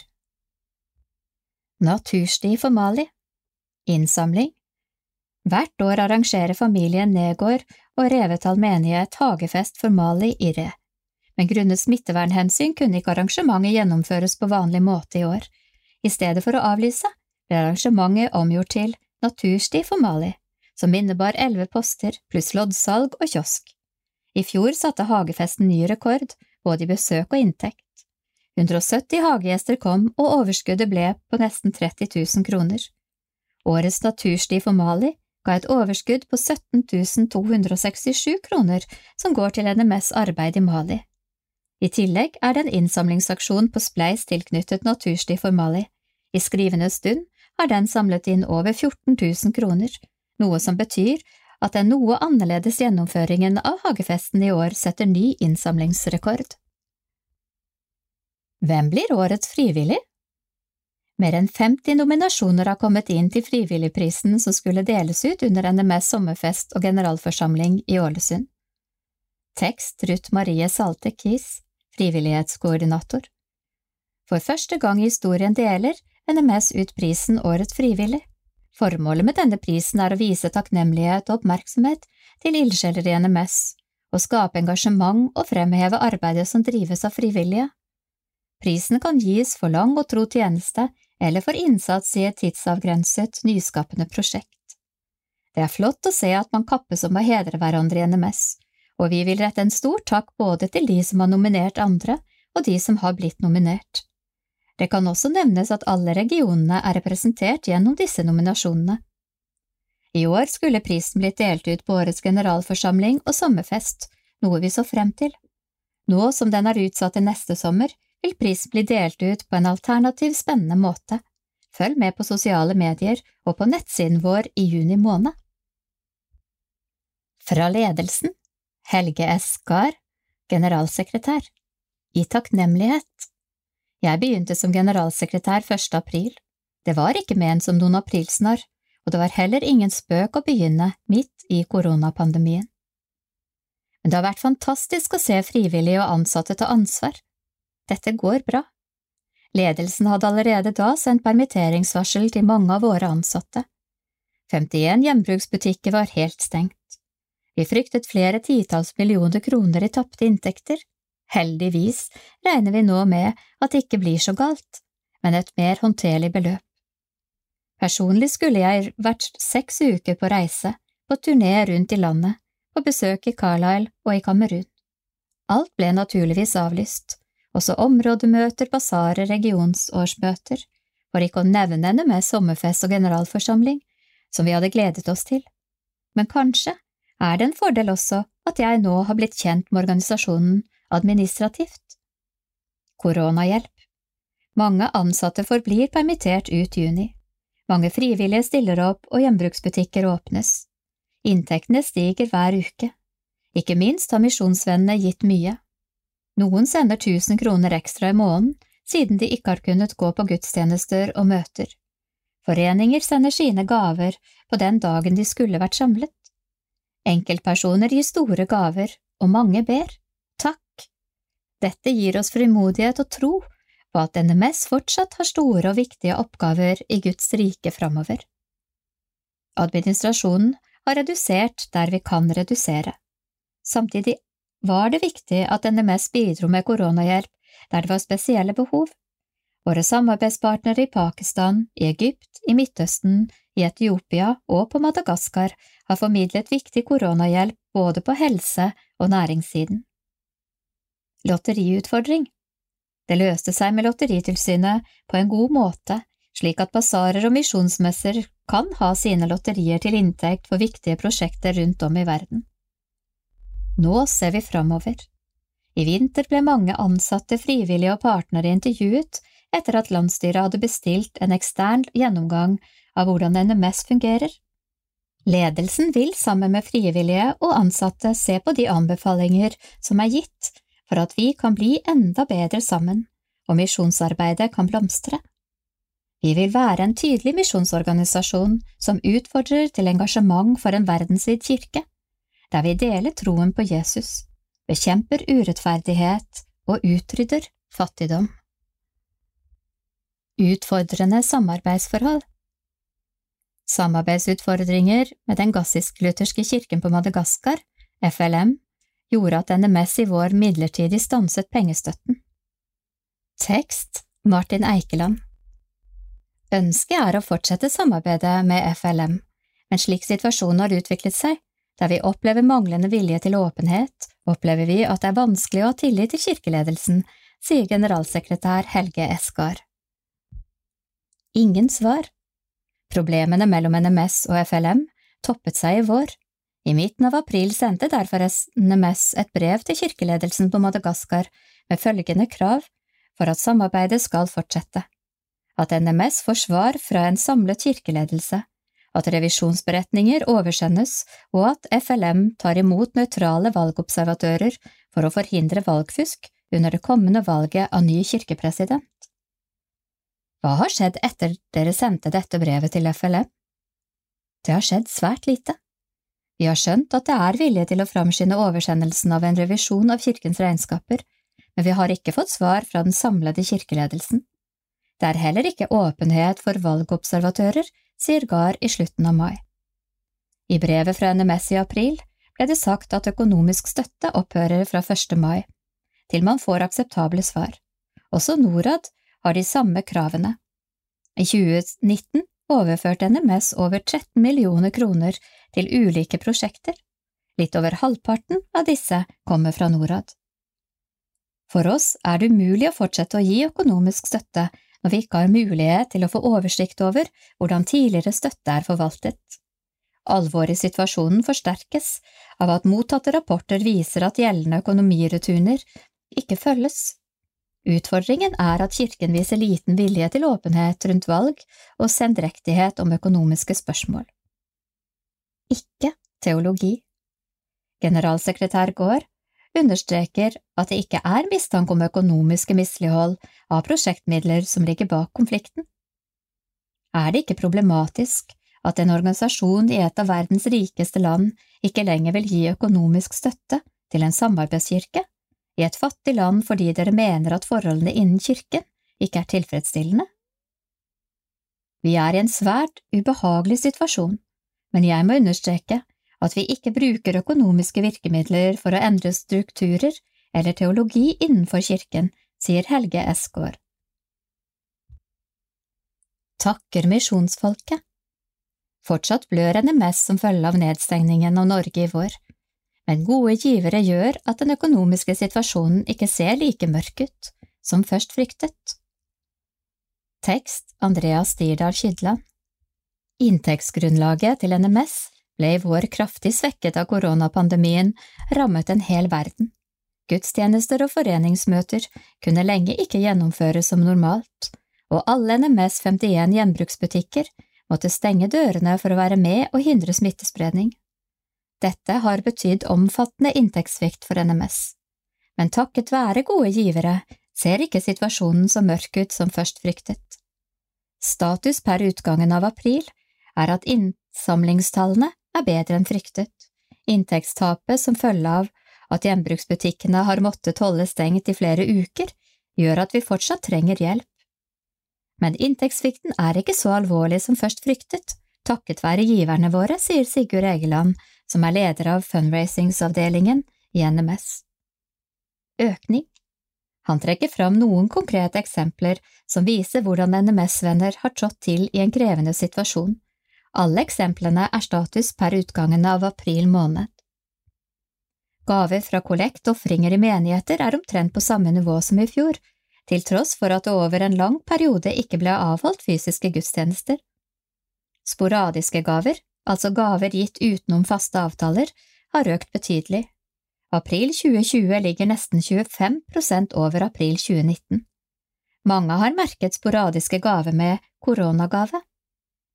Spleisgaver, altså gaver fra innsamlingsaksjoner på nettstedet spleis.no, har økt betraktelig. Til og med april er det kommet inn omtrent like mye som i hele 2019. Gaver gitt via bladgiro, støttesider i MT, ligger i overkant av 800 000 kroner høyere enn 2019. Gaver gitt via VIPS har også økt. Dette viser at misjonsfolket er kreative, snur seg rundt og finner nye måter å gi på når de vanlige møtearenaene blir borte. Jeg tror folk har lett etter nye måter å gi på når de ikke har kunnet møtes rundt kollektkurvene som vanlig, sier Egeland. Trenger fortsatt hjelp. I slutten av april begynte de første gjenbruksbutikkene å åpne dørene igjen, men omsetningstallene er foreløpig et godt stykke unna tiden før koronapandemien stengte store deler av Norge og NMS gjenbruksbutikkene. Derfor håper Egeland og resten av NMS på fortsatt god hjelp fra våre givere i tiden framover, slik at vi kan fortsette å dele troen på Jesus, utrydde fattigdom og bekjempe urettferdighet. Utfordrende i England England har blitt hardt rammet av koronapandemien. Det gjør det utfordrende å stå sammen med ungdommene der ute i Carlisle. Tekst Solgunn Filippine Smith I skrivende stund, mai, har vi vært over sju uker i lockdown her i England. I ungdomsarbeidet vårt, hvor det meste handler om å få kontakt og bygge relasjoner med ungdommer, har dette gitt oss store utfordringer, ikke minst fordi reglene for hvordan vi kan være i direkte kontakt med barn og unge, er så strenge, og alt baserer seg på foreldrenes godkjenning. Når flesteparten av ungdommene vi ser, er ungdom som bare detter innom, nå og da betyr det at vi ikke har kontaktinfo til foreldrene deres, som igjen betyr at vi ikke kan være i direkte kontakt med disse ungdommene. Sosiale medier Med prøving og feiling de siste ukene har vi lært, stjålet ideer og plukket opp tips her og der. Dermed utøver vi nå ungdomsarbeidet vårt over sosiale medieplattformer som Zoom, Instagram og YouTube. Og selv om vi etter hvert begynner å få kontroll på de ulike plattformene og hvordan vi kan og har lov til å bruke dem, kan det ikke måle seg med det å møtes fysisk, ansikt til ansikt, i parken over en kakaokopp eller på skolelaget over et slag Uno. Arbeidet vårt der ute synes vi selv er ganske gode på, men pandemien har vist oss hvor lett dette kan falle sammen. Verdien i arbeidet vårt, slik som det var, lå i det spontane, i det tilfeldige, i hvem som plutselig ville møte opp. Men nå lærer vi at vi trenger mer enn bare arbeid som blir gjort ansikt til ansikt. Flere møteplasser. Vi trenger å skape flere møteplasser og arenaer hvor vi kan møte ungdommene og være til stede der de er, både i parken og på internett. Vi trenger å utvide spekteret for hva vi er gode på, og hva vi kan tilby de unge, i form av relasjoner, møtepunkter og deling av evangeliet. Visjonen og arbeidsmåten til Network Youth Church har hele tiden vært å møte ungdom der ute, som ikke kjenner Jesus og som ikke har et forhold til kirken. Kanskje denne pandemien har lært oss at der ute i enda sterkere grad også bør inkludere der inne på sosiale medier og YouTube? Hjelper de mest sårbare? På Madagaskar støtter NMS et prosjekt som skal forebygge spredning av koronaviruset i omsorgsbyer og helseinstitusjoner. Tekst Andreas Dirdal Skydland Da koronapandemien for alvor begynte å spre seg, valgte Madagaskar å lukke landet. I første omgang var det streng innreisekontroll og til dels karantener, men fra og med 20. mars har Madagaskar vært helt stengt for innreiser, både til sjøs og med fly. Lukkingen av landet, opplysningskampanjer fra myndighetene og strenge tiltak er trolig blant grunnene til at Madagaskar har få bekreftede tilfeller av koronasmitte. Likevel holder mange pusten, for en oppblomstring av smittetilfeller kan få fatale konsekvenser for det som er et av verdens fattigste land, hvor mange mennesker bor tett. Madagaskar-misjonær Arild M. Bakke var blant de få NMS-misjonærene som ikke ble hentet hjem til Norge i vår. Han forteller at de strenge tiltakene som ble innført i landet, har hatt så god effekt at deler av samfunnet ble åpnet opp igjen i slutten av april. Per nå er det offisielle tallene 151 smittede og ingen døde. Men det er få som testes, og det kan hende det er en del uoffisielle tilfeller ute i samfunnet, sier han. I slutten av april åpnet deler av skolene igjen etter å ha vært stengt over flere uker. Da ble det åpnet for at eksamensklasser kunne komme tilbake til skolen. Det er også åpnet for gudstjenester igjen for opptil 50 personer. Men det er krav om å holde avstand, bruke ansiktsmasker og at alle vasker seg med såpe før de går inn, sier Bakke. 100 000 spleiskroner.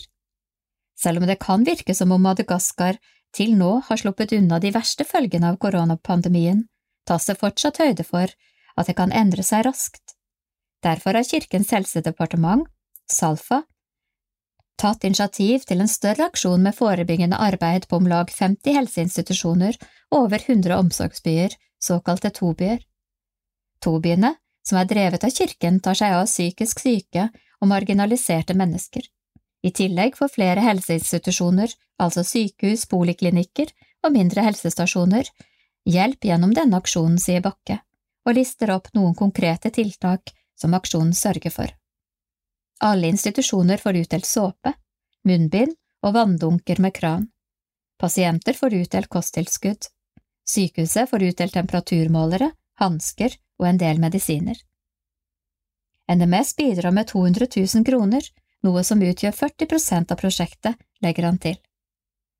Rett over halvparten av midlene NMS bidrar med, rettere sagt, 104 397 kroner, kom inn gjennom en innsamlingsaksjon Bakke opprettet på nettstedet Spleis. Omfattende prosjekt. Men å samle inn de økonomiske midlene er bare én del av prosjektet. Å få logistikken til å fungere, slik at alle tobyer og helseinstitusjoner får tak i utstyret, er en omfattende prosess. Heldigvis jobber flere gode krefter sammen for å få dette til. I tillegg til NMS bidrar to amerikanske partnere til prosjektet. Dessuten har en europeisk humanitær organisasjon stilt ti firehjulstrekkere til disposisjon. Det har bidratt til å få ut utstyret til alle landets regioner, sier Bakke. Status per slutten av april er at 109 omsorgsbyer, fordelt på alle synoder, har fått utdelt såpe, munnbind og kostholdstilskuddet spirulina. Per nå er 41 760 såper og 2000 pakker med kosttilskudd til pasientene, samt 1500 munnbind til omsorgspersonell delt ut. Skriftlig veiledning om forebyggende koronatiltak er tilgjengelig for de ansvarlige på omsorgsbyer og helseinstitusjoner, opplyser Bakke, og legger til at aksjonen fortsetter frem til juni. Få respiratorer. Hva tenker gasserne om det som har skjedd med verden gjennom denne våren? Er folk redde for et større koronautbrudd? Gasserne har vært vant med epidemier fra tidligere, deriblant pest og kolera. Det er ikke uvanlig at en må håndtere ulike former for restriksjoner og begrensninger for hvordan en kan bevege seg og oppføre seg men det har vært en viss redsel også her, særlig når vi har sett TV-reportasjer fra blant annet Italia, Ecuador og Iran. Med et dårlig utbygd helsesystem er Madagaskar et sårbart land.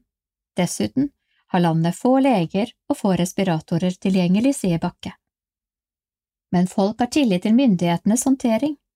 Det ble tidlig innført strenge restriksjoner, og det har vært gode informasjonskampanjer på TV og radio, sier Bakke. Etter at denne saken ble skrevet i starten av mai, har gassiske myndigheter bekreftet at landet har fått sitt første koronarelaterte dødsfall. Dette ble bekreftet i midten av mai. Notis stans i pengestøtten En årelang uenighet mellom NMS og den gassisk-lutherske kirken på Madagaskar, FLM, førte til at NMS i vår midlertidig stanset sine pengeoverføringer. Dette prosjektet er imidlertid startet av Kirkens helsedepartement, Salfa, før NMS sitt vedtak, og påvirkes ikke av den midlertidige stansen i NMS pengeoverføringer til FLM. Vest-Etiopia holder pusten. Fortsatt er få smittet av koronaviruset i Etiopia, men NMS-misjonær Marit Breen forteller at landet forbereder seg på det verste. Tekst Andreas Dirdal Kydland Det har blitt en merkelig vår for NMS-misjonær Marit Breen. Til vanlig er hun ofte på reisefot og skulle blant annet satse på flyet til Etiopia i vår. I stedet ble både landegrensene og store deler av samfunnet stengt ned, og Breen måtte bli hjemme i Norge. Men hjemmetilværelsen til tross, Breen har på ingen måte ligget på latsiden i vår. Spleis-aksjon For i april opprettet hun en innsamlingsaksjon på nettstedet Spleis. Pengene fra innsamlingsaksjonen var øremerket innkjøp av materiell som skal hindre at koronapandemien når Vest-Etiopia. Spleis-aksjonen fikk inn rett i underkant av 71 000 kroner. Den etiopiske statsministeren Abiy Ahmed og NMS sin samarbeidskirke i landet, Bekane Jesuskirken, har kalt til internasjonal dugnad. Kirken, gjennom Western Ethiopian Woman Empowerment Program, WEWEP, i Vest-Etiopia, har gode kommunale samarbeidsnettverk med helsemyndighetene i prosjektområdene i Vest-Etiopia. Gjennom et samarbeidsnettverk for bekjempelse av kvinnelig omskjæring har de gode kontakter med kommunale myndigheter og nå tekniske komiteer som er satt opp for å håndtere koronaviruset. Materiellet som kjøpes inn, vil distribueres gjennom disse komiteene, sier Breen. Midlene skal brukes på såpe, desinfeksjonsmiddel og jerrykanner beregnet til vann, til befolkningen, samt tepper og sengetøy til feltsykehus som opprettes for å være klar for en eventuell bølge av smittede mennesker. Det legges ned mye arbeid for å være godt forberedt dersom pandemien kommer til Vest-Etiopia. De offisielle smittetallene i Etiopia er lave. Det er noe smitte i de store byene, hvor det til vanlig er flere tilreisende enn i mindre befolkede områder. I Vest-Etiopia er det per nå ikke registrert noen tilfeller av koronasmitte. Det kan selvsagt være mørketall her, som alle andre steder, men det bor flere millioner mennesker i disse områdene, så det er viktig med gode forebyggende tiltak, sier Breen. Langvarig unntakstilstand Pengene fra Spleis-aksjonen, som er NMS bidrag til forebyggende tiltak i Vest-Etiopia, ble overført til Mekane Jesuskirken allerede i april. Dermed har pengene allerede vært med på å utgjøre en forskjell i form av bedre håndhygiene og større kapasitet ved et eventuelt utbrudd av pandemien hele verden snakker om. Jeg har fått flere positive tilbakemeldinger fra folk som har støttet Spleis-aksjonen. Flere er også nysgjerrige og spør om flere detaljer rundt hvordan pengene brukes. For meg er det viktig å formidle at midlene brukes i samarbeid med lokale krefter og behov, sier Breen, som fortsatt må belage seg på å følge prosjektet hjemmefra en god stund til. Det er erklært unntakstilstand i fem måneder i Etiopia. Per nå er landegrensene stengt, sier Marit Breen. Dette intervjuet ble gjort i slutten av april. Western Ethiopia Woman Empowerment Program er et prosjekt med mål om å fremme kvinners rolle og posisjon i kirken og i det etiopiske samfunnet. Fakta Etiopia Befolkning ca. 106 millioner Hovedstad Addis Abeba Levealder gjennomsnitt 62 år Etnisitet ca. 90 etniske grupper. Den største er oromo på ca. 35% Annet Spedbarnsdødeligheten er 7% 62% kristne, 34% muslimer og ca. 2,6% tilhører andre religioner. 39% av befolkningen lever i ekstrem fattigdom. Skeiv fordeling av ressurser, korrupsjon, undertrykkelse og lammende byråkrati er viktige grunner til det høye tallet. Kilde Wikipedia NMS i Etiopia NMS kom til Etiopia i 1970. Den etiopiske evangeliske kirke, Mekane Jesus, er NMS sin viktigste samarbeidspartner i Etiopia. NMS støtter blant annet kvinners posisjon i kirke og samfunn, landsbyutvikling, helse for mor og barn, bibeloversettelse, arbeid blant minoriteter, teologisk utdanning. Blir bedre mødre gjennom bokklubb? 17 mødre fra landsbygda lærer å forstå sine ungdommer bedre gjennom en bokklubb i Yongchu i Kina. Tekst Tom Kamano Rode Christoffersen Jeg sitter rundt bordet i en kirke med 17 mødre i en by med noen hundre tusen innbyggere i provinsen Hunan i Kina. Alle mødrene har bevisst flyttet til denne lille byen, Yongchu, for å passe på deres ungdommer mens de går på ungdomsskole her. Samtlige av mødrene kommer fra landsbygda i nærheten av denne byen. Alle har leid en leilighet hvor de kan bo med sitt barn. Alt de gjør handler om å hjelpe deres barn til å få gode karakterer på skolen, så de står opp før sola reiser seg for å lage frokost for så å ta ungdommen på skolen. Deretter lager de middag og støtter sin ungdom med leksehjelp når han/hun kommer hjem om ettermiddagen. De legger alt til rette for at barnet kan fokusere på sine studier. Ikke lett tilværelse. De har bevisst valgt en liten by. På landsbygda de kommer fra, har skolene så dårlig rykte at barna ikke vil kunne komme inn på videre studier med vitnemål fra skoler der. På den andre siden har de ikke råd til å kunne leie leilighet i en stor by. Det vil heller ikke være lett for barna å komme inn på skoler der. Mennene deres bor enten på landsbygda eller i en større by. De ser hverandre bare et par ganger i året. Det er ikke lett å være mor i denne virkeligheten. Disse mødrene er driftige og sterke tigermødre som motiverer sine barn til å arbeide hardt, men både mødrene og ungdommene opplever denne tilværelsen som veldig krevende. Hva er kjærlighet? Møtet i kirken, hvor jeg sitter rundt bordet med mødrene, starter med at en forretningskvinne i 50-årsalderen spør hva kjærlighet er. Mødrene blir engasjert og snakker om hvordan deres forståelse av kjærlighet har forandret seg, både gjennom ekteskap og barn, og til og med gjennom tidligere samtaler i gruppen. I tillegg til mødrene, gruppelederen og noen frivillige fra kirken, er noen menn som kommer fra lokale myndigheter til stede i dag fordi utlendingen er på besøk. Også mennene blir skikkelig engasjert i spørsmålet og forteller åpent om hvordan de elsker sine barn. Bokklubbmøtet fortsetter, og debatten om kapitlene i boken de har lest siden forrige møte, diskuteres fritt. Mange forteller hvordan de har prøvd ut prinsippene fra boken, og hvordan de har opplevd at det nytter. Denne bokklubben går gjennom flere bøker som handler om familierelasjoner. Både foreldre- og ekteparrollen tas opp i ulike bøker. Jeg kjenner igjen noen av bøkene som har en tydelig bibelbasis, mens andre ikke har det.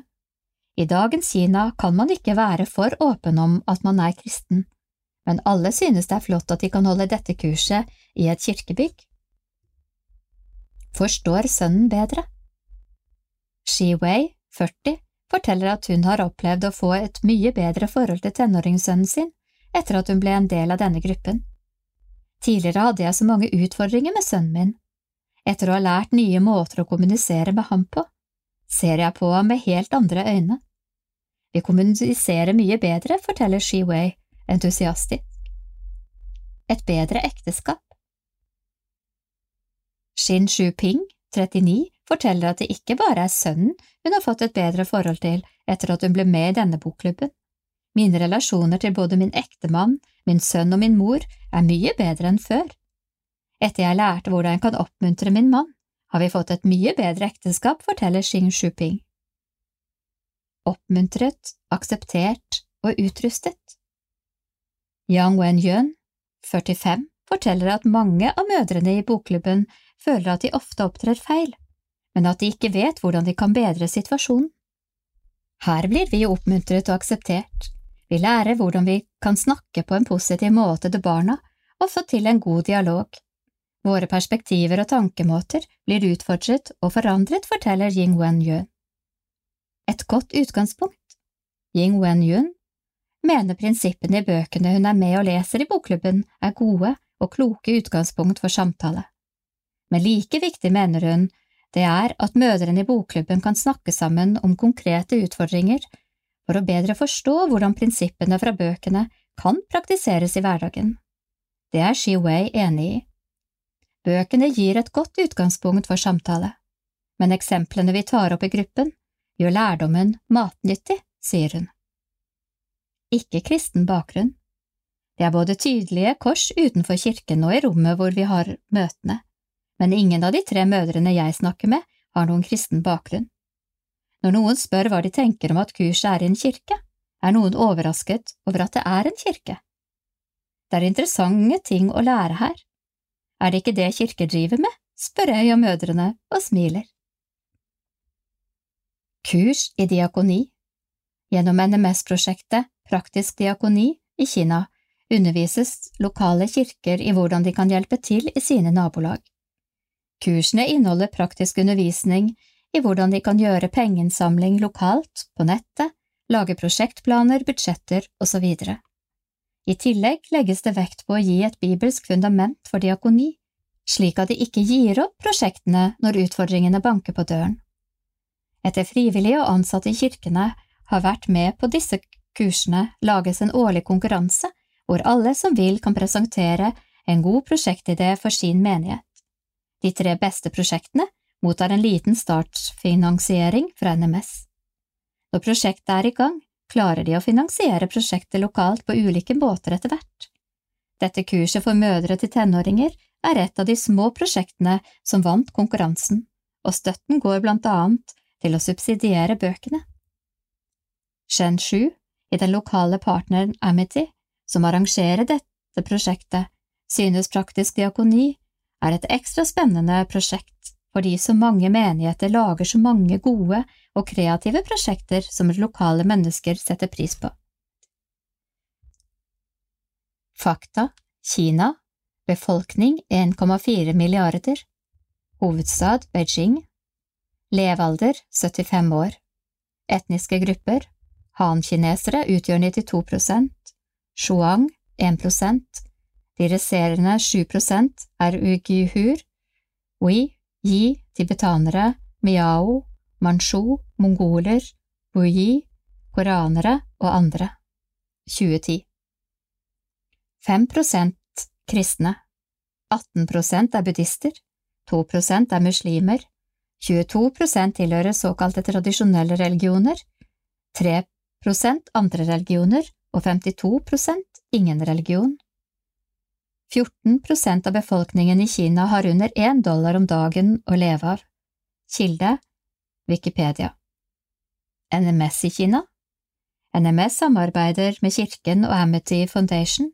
Sammen jobber vi blant annet med teologisk undervisning, menighetsplantenettverk, kursing i diakoni og Use Your Talents, og arbeid blant døve og hørselshemmede. Basar, sommermoro og NMS-stemning. Breddfull av optimisme og pågangsmot inviterer NMS og NMSU til digitalt sommerfest på Havglimt. Tekst Martin Eikeland. Som en avslutning på leirsesongen blir hele organisasjonen tatt med på det som er en blanding av sommerleir, NMS-fest og misjonsbasar 26. juni. Mange hadde planlagt å reise på sommerfest og generalforsamling i Ålesund i slutten av juni. Nå sitter alle disse hjemme, kanskje uten andre planer. Når vi kjører på med et spennende opplegg på Havglimt, kan dette bli en ørliten erstatning for generalforsamlingen, sier avdelingsleder Sigurd Egeland i NMS. Koronarestriksjonene tok på mange måter kvelertak på hele NMS og NMSU. Store arrangementer ble avlyst, leirsteder stengt, leirer kansellert og ansatte permittert. Men de siste ukene har det blitt lettet på restriksjonene. En konsekvens er at NMS og NMSU nå har krefter til å lage en digital sommerfest. Tre leirer. Epidemien har jo ført til at alle leirstedene er blitt stengt. Men Havglimt har fått grønt lys fra kommunelegen til å arrangere leirer. Derfor blir det tre leirer her i sommer. Som en avslutning på den siste av disse leirene inviterer vi hele organisasjonen inn på leirstedet. Vårt ønske er å framkalle den gode stemningen fra både leirer og sommerfester, sier Stig Sunde, som er daglig leder i NMSU. Når NMS og NMSU inviterer til dette sjøslaget på det veiløse leirstedet, blir det slått på alle stortrommer som organisasjonen har. Det betyr blant annet at generalsekretær Helge Eskår i NMS stiller opp. Det samme gjør Stig Sunde. Det blir også arbeidet med sang og musikk. Det er ikke sannsynlig at U2 eller Bruce Springsteen kommer, men spennende artister vil bidra. Basar. Programmet er ikke helt klart ennå, men her blir det rom for både spillopper, glede, alvor og basar. Gjennom en digital storbasar inviterer vi hele NMS til denne festen, sier en engasjert Stig Sunde. Men selv om han er begeistret over storsamlingen, er han nesten like glad for leirmuligheten som har åpnet seg på Havglimt. Heldigvis kan vi tilby noen leirer også i sommer, sier Stig Sunde, som henviser til hjemmesiden til NMSU for dem som ønsker å melde seg på Havglimt-leirene. Tema Sammen På kort tid har verden endret seg drastisk. Vi oppfordres til å holde avstand til hverandre. Hvordan står vi da sammen mot koronaviruset, sammen mot ensomhet og sammen for de gode verdiene? Tung tids tale Det heiter ikke eg no lenger, heretter heiter det vi. Eig du lykka, så er ho ikke lenger bare di. Alt det som bror din kan ta imot av lykka di, må du gi. Alt du kan løfte av børa til bror din, må du ta på deg. Det er mange kring deg som frys. Vær du eit bål, strål varme ifrå deg. Hender finn hender, herd stør herd, barm slår varmt imot barm. Det hjelper da litt, nokre få forfrosne, at du er varm. Haldis Moren Vesaas, 1907 1955 Kronikk Aksel Tjora, sosiolog og professor ved NTNU Nye fellesskap i avstandens tid Hvordan kan vi dyrke våre vante fellesskap med strenge restriksjoner og sosialt samvær? Denne våren har vi opplevd stengte arbeidsplasser, butikker og skoler, avlyste arrangementer, krav til fysisk avstand og andre begrensninger på våre hverdagslige anledninger for å møtes. Heldigvis er det slik at vi kan oppleve fellesskap på andre arenaer enn de nevnte, for fellesskapet er mangfoldig. Blant annet bruker vi mange ord om dette mangfoldet. Vi snakker om samhørighet som uttrykk for å identifisere seg med hverandre, for eksempel i et lokalsamfunn, om samhold, som å stå solidarisk sammen, og om samkvem, som det å være sammen og ha med hverandre å gjøre. I boken Hva er fellesskap? 2018 har jeg gått mer detaljert til verks og foreslått ulike fellesskap som sju faktorer. Samhold, solidaritet, integrasjon, sosial interaksjon, identifikasjon, kommunikasjon, arbeid og fysisk nærvær. Inndelingen gir oss en mulighet til å gå mer nyansert til verks, for eksempel når fellesskapet påkalles for å løse en krise. I dagens løsninger med krisepakker og isolasjon er ikke minst faktoren identifikasjon relevant, som handler om å gjenkjenne seg selv i den andre. Statsviteren Benedikt Andersson skriver om nasjonen som et forestilt politisk fellesskap, og begrunner dette med at medlemmene kjenner et fåtall av sine medborgere. Likevel opplever de fellesskapet som reelt med felles språk og politiske grenser mot andre stater. Slik identifikasjon finner vi også mellom medlemmer i organisasjoner som NMS, og i nasjoner og organisasjoner kan slik identifikasjon være knyttet til synkronisering, ved at vi gjør det samme til samme tid og blir oppmerksom på det. Dette kan både gjelde felles utfordringer med en mer isolert hverdag, men også nye digitale møter som er en ny hverdag. Selv om tiltakene er brutale, skaper de digitale møtene muligheter for nye former for fellesskap. I den digitale kommunikasjonen reduseres betydningen av sted, mens tidsdimensjonen kan få større virkning. En organisasjon som NMS med medlemmer i hele Norge, kan styrke samhold og samkvem på tvers av sted ved å aktiv bruk av de digitale mulighetene. Selv om digitale møter sjelden er like engasjerende som fysiske, er de i mindre grad lokale og kan bidra til inkludering av flere medlemmer ved at de blir synkronisert på nye måter. Det er aldri så galt at det ikke er godt for noe. Naturen syng I sommer skulle NMS-venner samles til NMS sommerfest og generalforsamling i Ålesund. Der skulle kantor og frilansmusiker Håvard Sveås sammen med fotograf Øyvind Kåre Sunde by på vakre bilder sammen med salmer og sanger under arrangementet Naturen syng. Dette måtte utsettes grunnet koronapandemien. Her får du uansett en smakebit. Vil du høre melodien til sangen, kan du klikke deg inn på Facebook-siden Naturen syng, trykke på videoer og finne sangen Herre, du ser oss her nede. Herre, du ser oss her nede. Herre, du ser oss her nede, sorgtunge, redde og små. Hjelp oss å søke til steder hvor vi kan skimte deg nå. Herre, du gjemmer oss kjærlig, vingene dine gir ly. Lær oss å elske hverandre, vis oss hva det kan bety.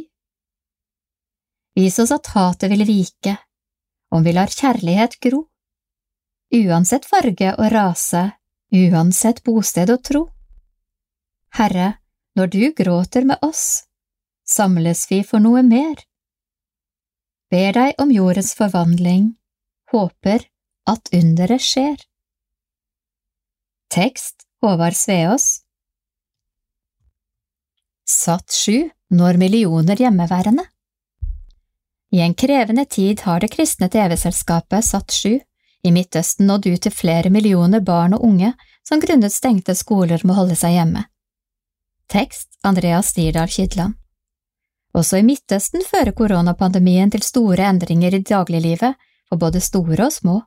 Skoler har måttet stenge for ordinær undervisning, og mange har de siste månedene jobbet hjemmefra. Det kristne TV-selskapet, SATS7, sender programmet døgnet rundt på fire kanaler i Midtøsten. I likhet med resten av samfunnet har de måttet tilpasse seg en ny hverdag etter at koronapandemien brøt ut. Blant annet har SATS7 programmer som fokuserer på utdanning og læring, blitt enda viktigere enn før.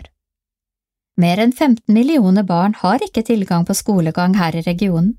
I tillegg har flere land stengt skolene som et av tiltakene for å hindre smitten i å spre seg. Med så mange barn hjemme bestemte vi oss for å lage en nettbasert pakke med videomateriale som skal opplyse folk om hvordan de kan forebygge smitte.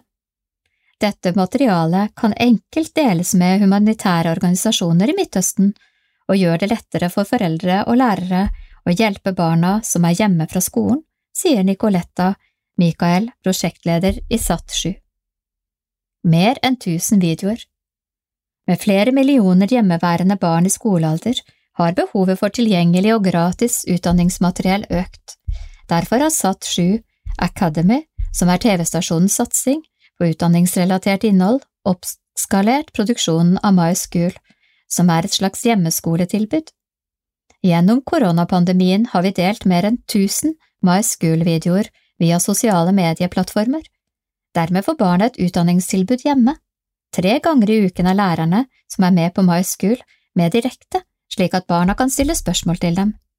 Responsen har vært enorm, sier Mikael, som legger til at satsingen har vært en nyttig måte for SAT7 å stå sammen med barn og familier i Midtøsten i en krevende periode. Alle videoene blir merket med emneknaggen Isolated Together, isolert sammen. Det gjør vi for å vise at vi alle står sammen i denne krevende perioden, selv om vi gjerne er alene hver for oss. Jobbet hjemmefra. SAT7s fire kanaler, SAT7 Arabic, SAT7 Pars, SAT7 Kids. Og SAT7 Turk, har også prioritert å produsere programmer som skal øke folks bevissthet og kunnskap rundt koronaviruset. Blant annet har leger vært med og besvart spørsmål fra seerne under direktesendte programmer. Og nettopp direkteproduserte programmer har vært en prioritert satsingsområde for SAT7 de siste månedene. Som mange andre innførte også Satt7 hjemmekontor for store deler av de ansatte. Direktesendinger har vært prioritert, men med et minimum antall ansatte i studio og med strenge smitteverntiltak. Ny tid Prosjektleder Michael håper som alle andre at hverdagen snart kommer tilbake. Likevel mener hun de siste månedene har vært med på å vekke mange folks bevissthet verden over. Som europeisk borger er dette en ny tid for meg, men for mange i Midtøsten er dette bare nok en ting, på toppen av mye annet de må håndtere. Vi andre har måttet jobbe med måten vi tenker på og sette mer pris på friheten vi har. Vi må være glade for at vi har hus, vann, muligheten til å bestille mat som vi får levert hjem, og for at barna våre kan få undervisning hjemmefra takket være teknologiske hjelpemidler. Mange har ikke disse mulighetene, men gjør likevel alt de kan for å være med på å forhindre smitten i å spre seg, sier hun. Hun legger også til at mange seere de siste månedene har hatt spørsmål knyttet til hvorfor Gud tillater at mennesker dør av pandemien. Derfor har vi blant annet prioritert direktesendinger med fokus på åndelig støtte og veiledning. Et av disse programmene heter Spør doktor Maher. Han er en viktig person i den arabiske verden og har besvart mange slike spørsmål fra våre seere. Det er viktig å svare på slike spørsmål ut fra et bibelsk perspektiv. Flere hundre tusen responderte på det første innslaget vi publiserte, med Spør doktor Maher. Vi har også hatt flere sendinger hvor vi har med pastorer som har vært med på å bringe kirken inn i folks hus, sier Michael, som tror menneskeheten kommer styrket ut av koronapandemien. Jeg tror vi kommer ut av denne krisen som bedre mennesker som står sterkere sammen, sier hun. Forståelse for utsettelse Selv om NMS sommerfest og generalforsamling i Ålesund er utsatt, har mange frivillige allerede sagt ja til å gjennomføre sine verv neste sommer. Tekst Andreas Dirdal-Kidland I sommer skulle NMS-venner samles til NMS sommerfest og generalforsamling i Ålesund. Etter et par krevende år for organisasjonen, med nedgang i inntekter og omorganisering, skulle veien videre stakkes ut i slutten av juni. Men så kom koronapandemien og snudde verden på hodet. NMS var tidlig ute og utsatte både generalforsamlingen og sommerfesten. Riktig avgjørelse Barbro Landmark er leder av hovedkomiteen og er en av mange som har lagt ned utallige timer for å ønske NMS-ere velkommen til Ålesund i sommer. Å utsette NMS sommerfest og generalforsamling mener jeg fullt og helt var en riktig avgjørelse. Det var fornuftig at det ble bestemt tidlig, slik at alle visste hva de hadde å forholde seg til, sier hun. Samtidig tror jeg nok mange av de som har stått på og jobbet i de forskjellige komiteene, kjenner på en tomhetsfølelse. Vi var på oppløpssiden og hadde for alvor begynt å glede oss til juni, legger lederen av hovedkomiteen til. Stor velvilje. Landmark forteller om stor velvilje blant de mange frivillige, til tross for at NMS sommerfest og generalforsamling er utsatt til neste sommer. Vi har bedt alle komiteene om å sjekke med de frivillige om de er villige til å gjennomføre sine verv neste sommer. Svært mange er positive. I tillegg er det aller meste av innholdet planlagt, så vi har et godt fundament på plass, sier hun. Saman i nye tider Tema for det som skulle vært årets sommerfest og generalforsamling var Saman. Etter et par krevende år for organisasjonen ble storsamlingen i Ålesund pekt på som en viktig arena for hele NMS. Landmark mener temaet fortsatt står seg godt, kanskje til og med enda sterkere. Nå handler det om å stå sammen på nye måter, både i NMS og i verden for øvrig, sier hun. Satser på Ålesund i 2021 NMS sommerfest og generalforsamling vil bli arrangert i Ålesund neste sommer. Signalene er at Ålesund er positive til å ta imot oss neste sommer. Det forteller Per Ørjan Aaslid, som i vår erstattet Helge Esgaard som landsstyreleder i NMS da Gaard som kjent ble ny generalsekretær i NMS. Aaslid skal fungere som landsstyreleder i NMS fram til generalforsamlingen velger en ny leder. Etter planen skulle ny landsstyreleder velges i Ålesund i sommer. Som Misjonstidene omtalte tidligere i år, står valget mellom Bjørg Tysdal Mo og Bjørn Inge Holberg. Men selv om selve generalforsamlingen er flyttet til neste sommer, er det noen saker som kommer til å bli behandlet før Ålesund ønsker grasroten i organisasjonen velkommen til Jugendbyen. Dette fordi det haster å få fattet vedtak i disse sakene. Landsstyret i NMS vedtok i april at en skal forsøke å gjennomføre et elektronisk valg i løpet av høsten og få valgt nytt landsstyre, ny landstyreleder og protokollkomité på den måten, sier Åsli. NMS sommerfest og generalforsamling skulle etter planen arrangeres 25. til 28. juni i sommer. NMS vil komme tilbake med nærmere informasjon om tidspunkt for generalforsamling og sommerfest 2021. Egne infosendinger til frivillige Helt siden mars har NMS produsert egne videosendinger med informasjon rettet mot frivillige. Tekst Andreas Stirdal Kitland Planene har eksistert en stund, og tanken var å starte opp med direktesendte infosendinger rettet mot frivillige og andre som er nysgjerrige på hva som rører seg i NMS i april. Men da hele verden ble snudd på hodet, oppsto et stort behov for informasjon blant de mange frivillige som er engasjert i NMS. Derfor framskyndet vi planene og hadde vår første sending på luften 26. mars, forteller Ruth Marie Salte Kies, som er frivillighetskoordinator i NMS ukentlig. På infosendingene har frivillige gjennom våren fått rykende fersk informasjon om hvordan NMS forholder seg til og påvirkes av koronapandemien. Både ansatte i administrasjonen og misjonærer har vært med og delt glimt fra sin hverdag.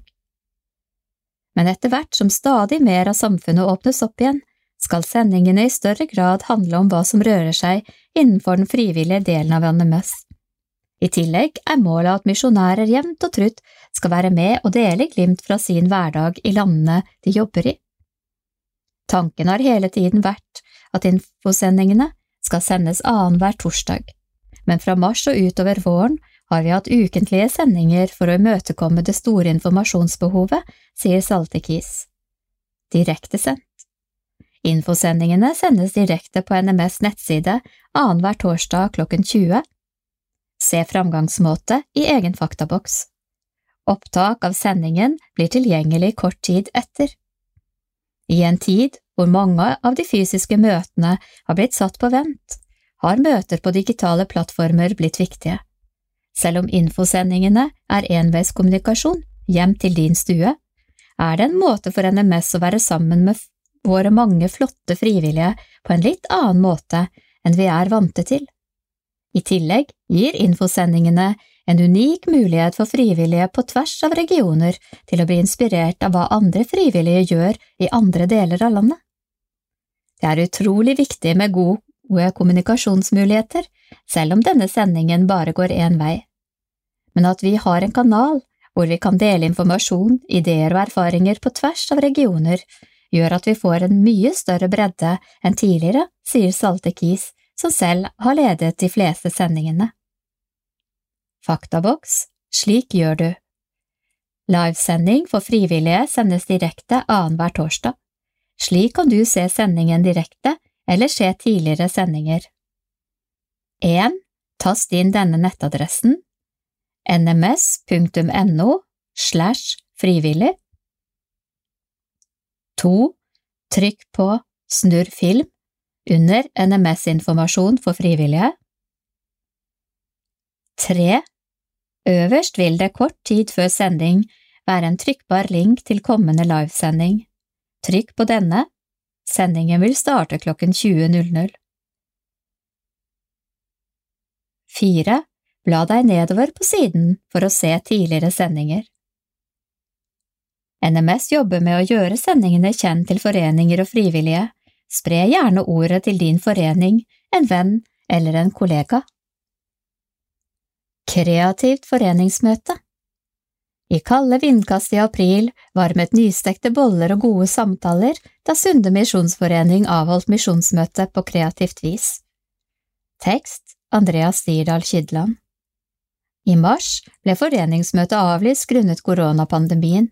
Vi tenkte at vi trolig ikke kunne samles i april heller, sier Astrid Svan fra Sunde misjonsforening i Hafrsfjord i Stavanger. Men så kom en idé opp. Hva om Misjonsforeningen likevel kunne avholde misjonsmøte utendørs? Vi bestemte oss for å møtes på stranden samme kveld. Det ble servert nystekte boller, og alle hadde med egen drikke, sier Svan, som understreker at foreningen selvsagt overholdt anbefalingene om å holde avstand til hverandre. Vi hadde en fin vårkveld sammen med iskald vind og varme samtaler, sier hun. På forhånd hadde Svan besøkt nms.no og lest seg opp på blant annet konsekvensene av at samtlige av NMS 51 gjenbruksbutikker på daværende tidspunkt var stengt grunnet koronapandemien. Vi snakket om de økonomiske konsekvensene for NMS under foreningsmøtet. Vi snakket også om en sak på nettsiden hvor den nye generalsekretæren Helge Esgaard fortalte om sin første tid i NMS, sier Svan, og legger til at foreningen ser for seg å arrangere også neste foreningsmøte utendørs. Sammen i gode og onde dager. Fakta Dagfinn Enely Født 9. desember 1972 i Oslo. Spilt for Grey Shade 1995 til 1998, Moss 1998 til 2000, Rosenborg 2001 til 2004 og Fredrikstad 2004 til 2005. Har to A-landskamper for det norske landslaget.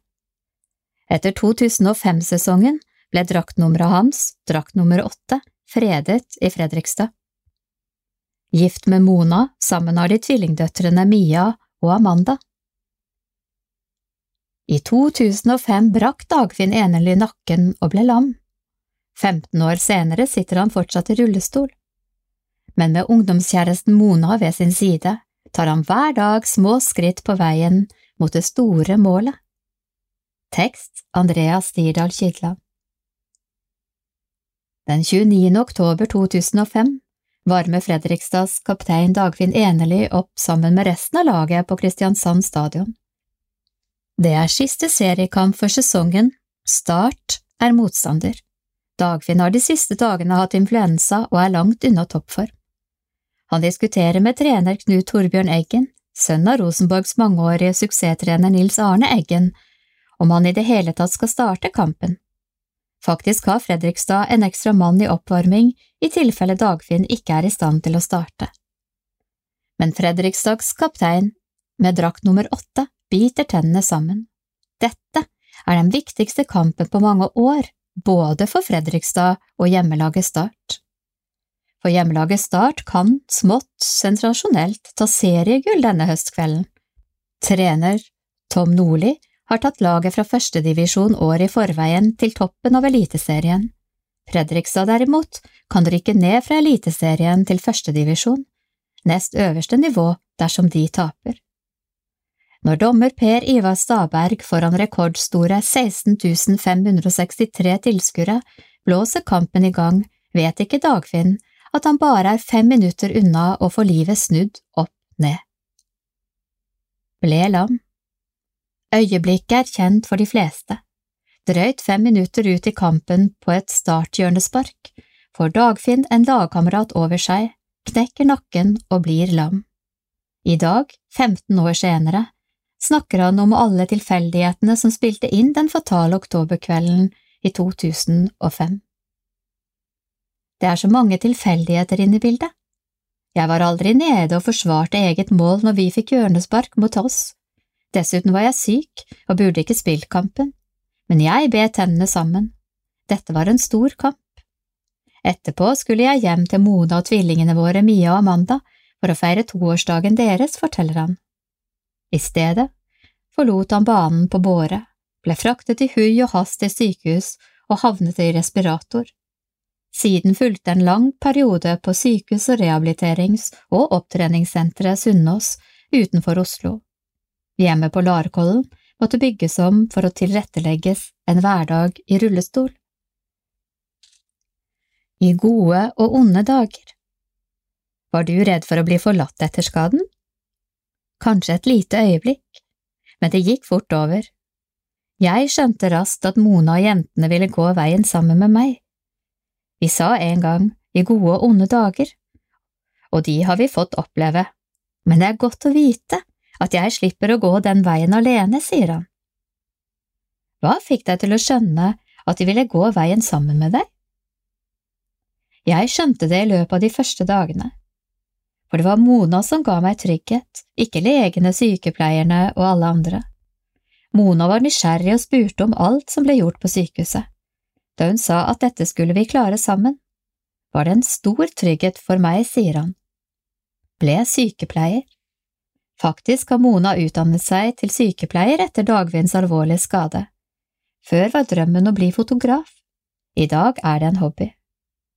Da Dagfinn lå på sykehus, var jeg nysgjerrig på alt legene og sykepleierne gjorde. Jeg sto foran et veiskille med tanke på hva jeg skulle gjøre i livet. Så fikk jeg et innfall og søkte på sykepleierutdanning, sier Mona. Jeg fikk svar om at jeg hadde kommet inn rett etter at Dagfinn hadde kommet hjem etter skaden. Da hadde vi et hus som ikke var bygget om, og jentene var nesten tre år gamle. Men Dagfinn sa tydelig fra at dette var noe jeg burde gjøre. Vi ble enige om at jeg skulle prøve meg, så lenge det ikke gikk utover Dagfinn eller jentene. Så gikk det veldig bra, og i 2009 fullførte jeg bachelorgraden min, legger hun til. De første årene jobbet hun på sykehus, men siden 2012 har hun drevet egen bedrift hjemmefra. Ungdomskjærester Dagfinn og Mona Eneli møttes i ungdomsårene da de begge spilte for Oslo-klubben Grei. Dagfinn var 20, Mona var 16. Jeg hadde lagt merke til Mona gjennom fotballskoler og lignende, men det var først da jeg fikk en forespørsel om å bidra rundt damelaget vi ble skikkelig kjent, sier Dagfinn. Han var en veldig utadvendt type som alltid fant på sprell og ble gøyer. Alle visste hvem Enely-brødrene var, de var liksom stjernene uten at det brydde meg. Det var fotballen som betydde noe for meg, minnes Mona, og forteller at hun i starten ikke forsto at Dagfinn var interessert i henne. Det var hyggelig at Dagfinn ville hjelpe til med egentrening, men det gikk en liten stund før jeg skjønte at han var interessert i meg. Han var supersjarmerende og snill. I dag har de egenskapene bare forsterket seg. Fortsatt finner han på ablegøyer og får folk rundt med seg, selv om han ikke har de samme forutsetningene som alle andre, sier hun. Mona er ungdomskjærligheten som aldri tar slutt, skyter Dagfinn inn. Ber på sengen Både under og etter fotballkarrieren har Dagfinn vært kjent for sitt gode humør og mange sprell på og utenfor fotballbanen. Et kjent eksempel er fra 2003, da han som Rosenborg-spiller dempet en høy ball ved å dra ut drakten med hendene og bruke den til å ta ned ballen hjemme på Lerkendal mot Stabæk. Men på sykehuset etter ulykken på Kristiansand stadion høsten 2005 var stemningen langt fra like lystig. Etter fem uker i respirator hadde han bare 17% lungekapasitet og var plaget av væske i lungene. Flere ganger fryktet han at han kom til å dø. Etter skaden har han begynt å be på sengen før han lukker øynene. Han er sikker på at han har blitt hørt. Jeg hadde lenge kjent på en urolig følelse i magen, så jeg begynte å be på sengen. Om det var til den ene eller til den andre, vet jeg ikke, men jeg følte jeg fikk svar, sier han. Anser du deg selv som troende? Jeg tror det er mer mellom himmel og jord enn vi aner, men hvem jeg ber til, det vet jeg ikke, men jeg er sikker på at jeg har blitt hørt. Skal gå igjen Helt siden livet brått og brutalt snudde for familien Enely i 2005, har Dagfinn vært tydelig på at han en dag skal gå igjen. Nakkeskaden, som består av tre brudd i nakkevirvlene i C2, C3 og C4, samt prolaps mellom de to siste, er en såkalt inkomplett skade, noe som betyr at ting kan skje. Det store målet er at han en dag skal kunne gå igjen.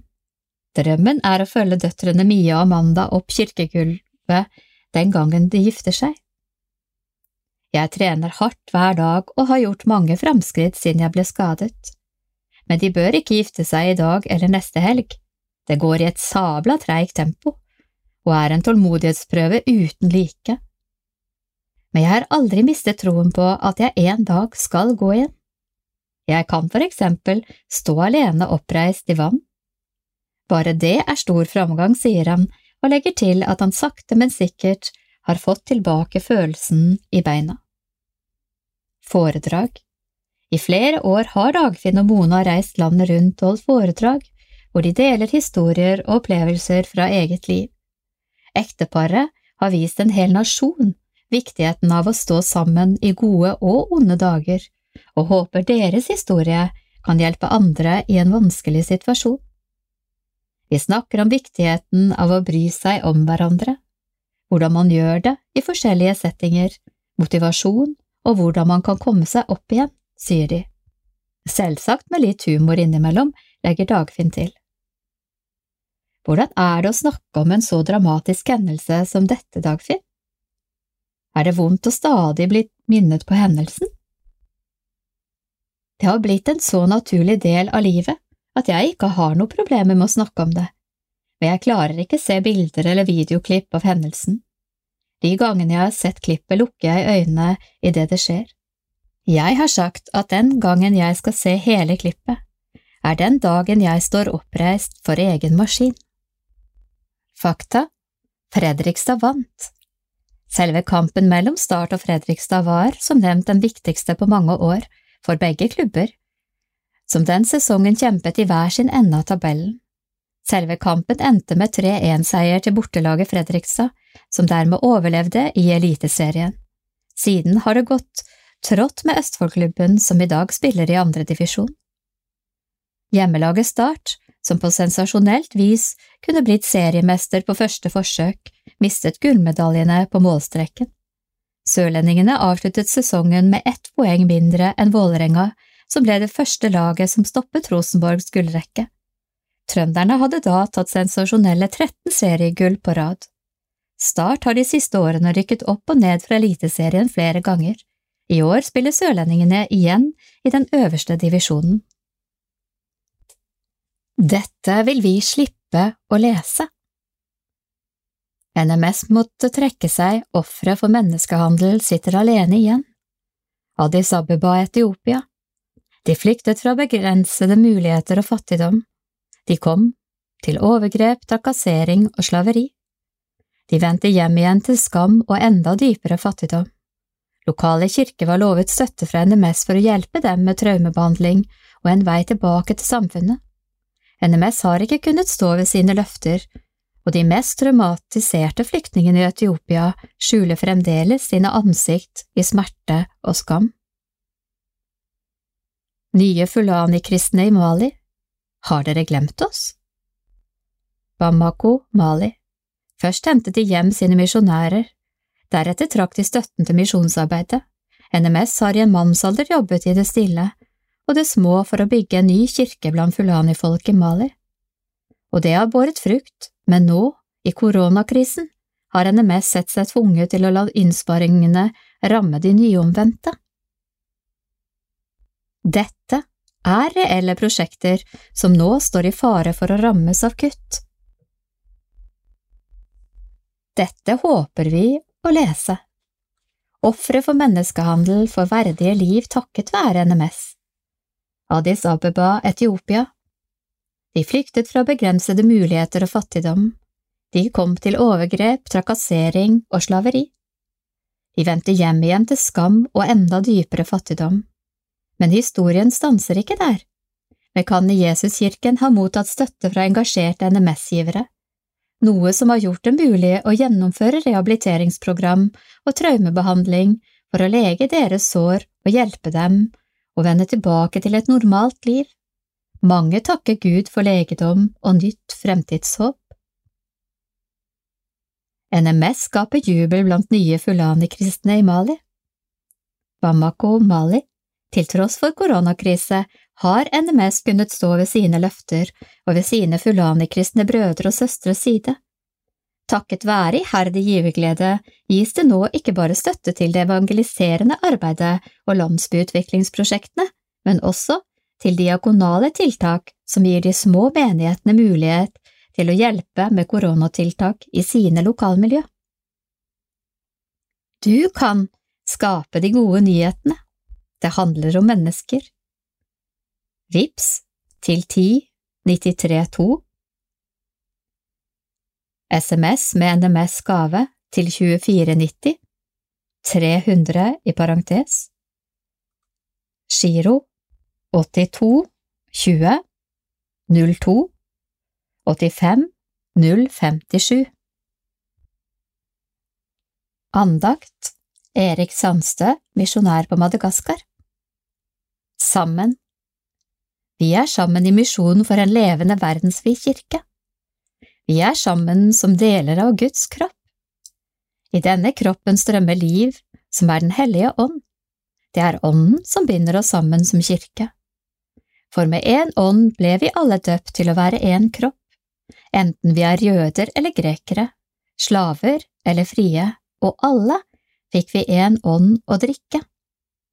Første kor 12, til 13 I en tid hvor langvarig samarbeid er under press, kan det noen ganger føles som om vi er deler av en kropp som vil seg selv vondt. Under en overflate som kan virke preget av enighet, respekt og prosjektdokumenter, kan det ligge mistro, sjalusi og hovmodighet. Forholdet mellom giver og mottaker kan bli dysfunksjonelt. Mange vil med rette spørre hva er partnerskapet dersom det kun snakkes om penger, forvaltning og rapporter? Til det kan vi svare at det var aldri pengene som gjorde at misjonen ga resultater. Det var mennesker drevet av et kall til å nå andre mennesker med et evangelium som de selv trodde på. Det var fellesskap i Den hellige ånd. Det må det også være i vår tid. Om vi tror at litt mer penger kan være løsningen på oppgavene våre, så har vi blitt forledet. Misjon starter og slutter med mennesker. Mennesket som gir av sine ressurser i tro til misjon, og mennesket som tar imot evangeliet og kommer til tro. Øyet kan ikke si til hånden jeg trenger deg ikke, eller hodet til føttene jeg har ikke bruk for dere. Tvert imot. De delene av kroppen som synes å være svakest, nettopp de er nødvendige. Første kor 12, 21–22 Vi mennesker ser ofte problemene, uenighet, rar kultur, uklar kommunikasjon, dårlig forvaltning, for liberal, for konservativ. Så hva er det Gud ser som vi ikke ser? Gud ser mennesker som vil leve med Han, men som samtidig strever med menneskelig svakhet. Gud elsker oss. For at det ikke skal bli splittelse i kroppen, men alle lemmene har samme omsorg for hverandre, for om ett lem lider, lider alle de andre med, og om ett lem blir hedret, gleder alle de andre seg. Første kor 12, 25–26 I misjon står vi sammen som medmennesker i tro. Vi lærer oss hverandres språk og kultur, og vi forstår at én og samme sak kan ses på vidt ulikt. Vi spiser, ler, diskuterer og krangler sammen. La oss be og streve etter enhet på tross av våre ulikheter og på tvers av landegrenser. Bønn La ikke hjertet bli grepet av angst. Tro på Gud og tro på meg. Johannes 14, 14,2 Vi takker og ber for alle gode initiativ og kreativitet som bidrar til at gaveinntektene holdes oppe, også nå under koronapandemien. At mange gjenbruksbutikker har åpnet igjen. La oss be for gjenåpningene og for alle de frivillige i NMS gjenbruk.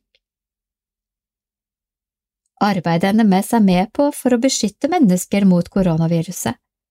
Vi ber om at omsorgslandsbyene på Madagaskar ikke skal rammes av viruset. Vi ber for våre medarbeidere i Vest-Etiopia, som deler ut beskyttelsesmateriell i avsidesliggende områder der. Vi ber for Onafora-senteret i Egypt, som er i gang med å dele ut helsepakker og mat til fattige familier. Vi ber for alle som er syke av koronaviruset, og for helsepersonell som utsetter seg selv for risiko for å hjelpe andre. Vi ber for alle mennesker i Norge og i verden som får en mer utrygg hverdag som følge av korona, både økonomisk og praktisk. Til ettertanke og samtale fra Bibelen, les gjerne første kor 12, 12–27. Men nå har Gud satt sammen kroppen slik at det som mangler ære, får mye ære, for at det ikke skal bli splittelse i kroppen, men alle lemmene har samme omsorg for hverandre. For om ett lem lider, lider alle de andre med, og om ett lem blir hedret, gleder alle de andre seg. Dere er Kristi kropp, og hver av dere ett lem på ham. Bønn Kjære Jesus, du som er kjærligheten selv, du som har omsorg for alle i alle omstendigheter. Hjelp oss til å være deg nær, hjelp oss til å være den delen av din kropp som du har skapt oss til å være. Hjelp oss til å stå sammen i fellesskap med deg og med hverandre. Amen. Sang Velsigna band som bind, Salme 526 Vi er ein i Vår Herre, nummer 140 sanghefte Dei være ære, sangbok for ungdom, 1977 Til samtale 1. Hva betyr det i praksis å være en del av Kristi kropp? 2. Les andakten og diskuter betydningen av å være til stede hos våre samarbeidspartnere i dag. 3. Les kronikken på side 20. Nye fellesskap i avstandens tid Ut fra tanken i kronikken, besvar spørsmålet Hva er fellesskap? Velg en artikkel, les og diskuter innholdet. Sammen igjen Det var godt og sterkt å feire gudstjeneste igjen i Saku, Estland. Tekst Magne Mjølster Mellom kvinnedagen 8. mars og den estiske morsdagen 10. mai har gudstjenester, minipreiker, barnekirketimer, babysang, TC-bønner og ungdomskvelder kun vært på nett. Det har vært en spesiell tid. Hjemmeskole og arbeidsoppsigelser har skapt vanskeligheter for mange.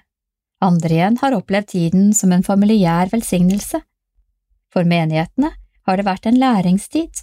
Vi har kjent på savn, men samtidig nådd ut til nye mennesker via internett. I første del av mai åpnet regjeringen for at en del aktiviteter igjen kan finne sted, blant annet innenfor kultur, idrett og religion.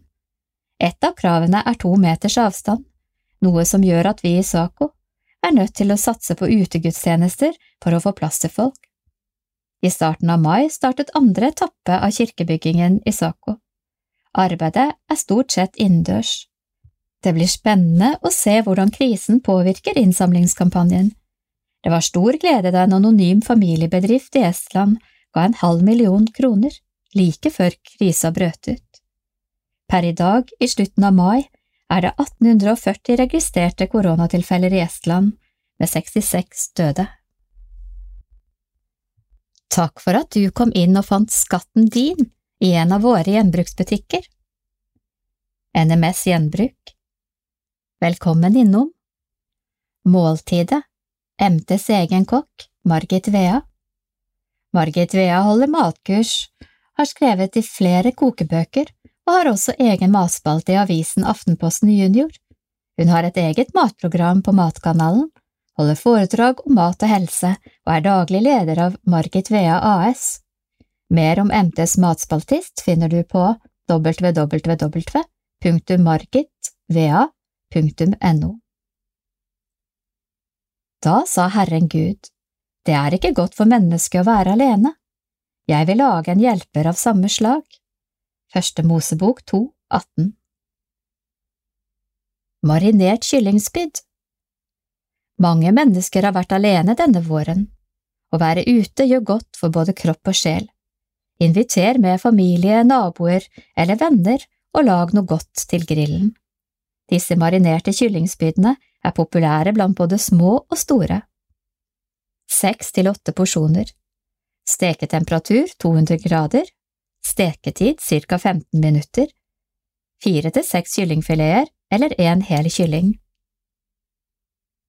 Marinade En spiseskje karripulver En spiseskje paprikapulver to spiseskjeer ketsjup manis, søt tyktflytende soyasaus eller vanlig soyasaus, en spiseskje solsikke eller peanøttolje, en squash, en paprika, tolv sjampinjonger eller aromasopp, en til to spiseskjeer olivenolje.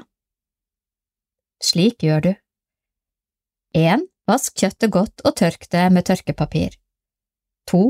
Skjær kjøttet i passe store terninger som passer å tre på grillspyd. 3. Bland ingrediensene til marinaden sammen i en bolle eller i en plastpose og ha i kjøttet. La det ligge i marinaden i ca 30 minutter. 4. Skjær grønnsakene du vil grille sammen med kyllingen i passe store terninger. Tørk forsiktig av krydderet og pensle spiddet med olje før du legger det på grillen. 5.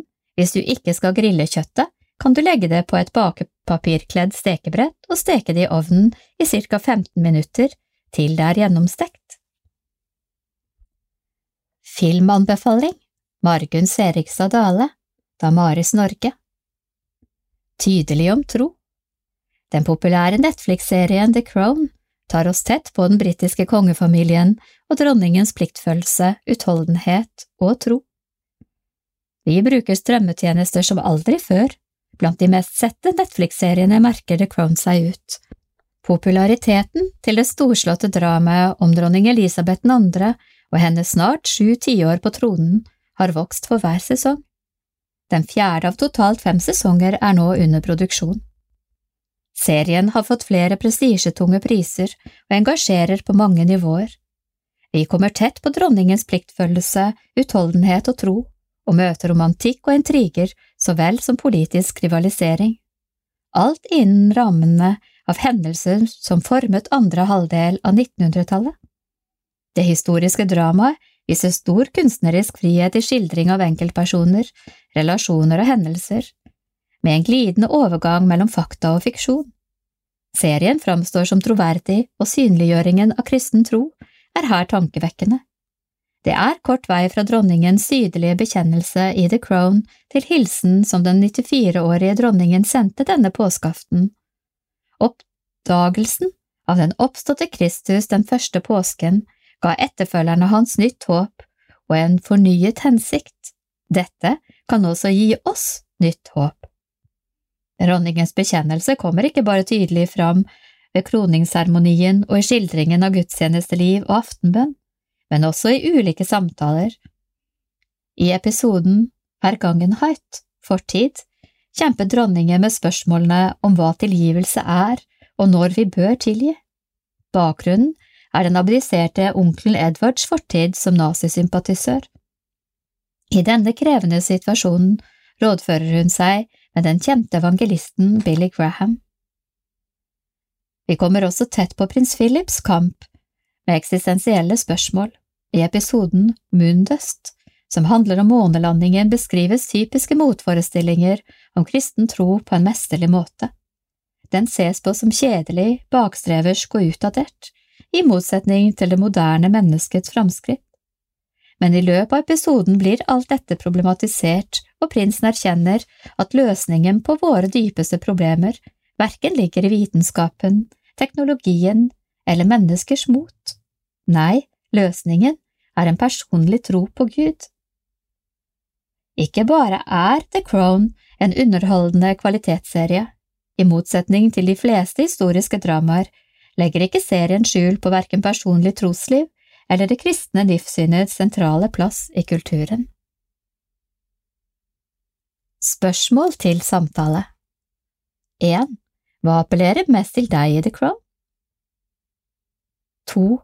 Se episoden Vergangenheit, nummer seks i sesong to. Hvordan opplever du samtalen mellom dronningen og Billy Graham? 3. Se episoden Moondust, nummer sju i sesong tre. Hva er mest gjenkjennelig i prins Philips motforestillinger om kristen tro? Originaltittel The Crown Sjanger historisk drama Produksjonsår 2016 til. Aldersgrense 13 år Netflix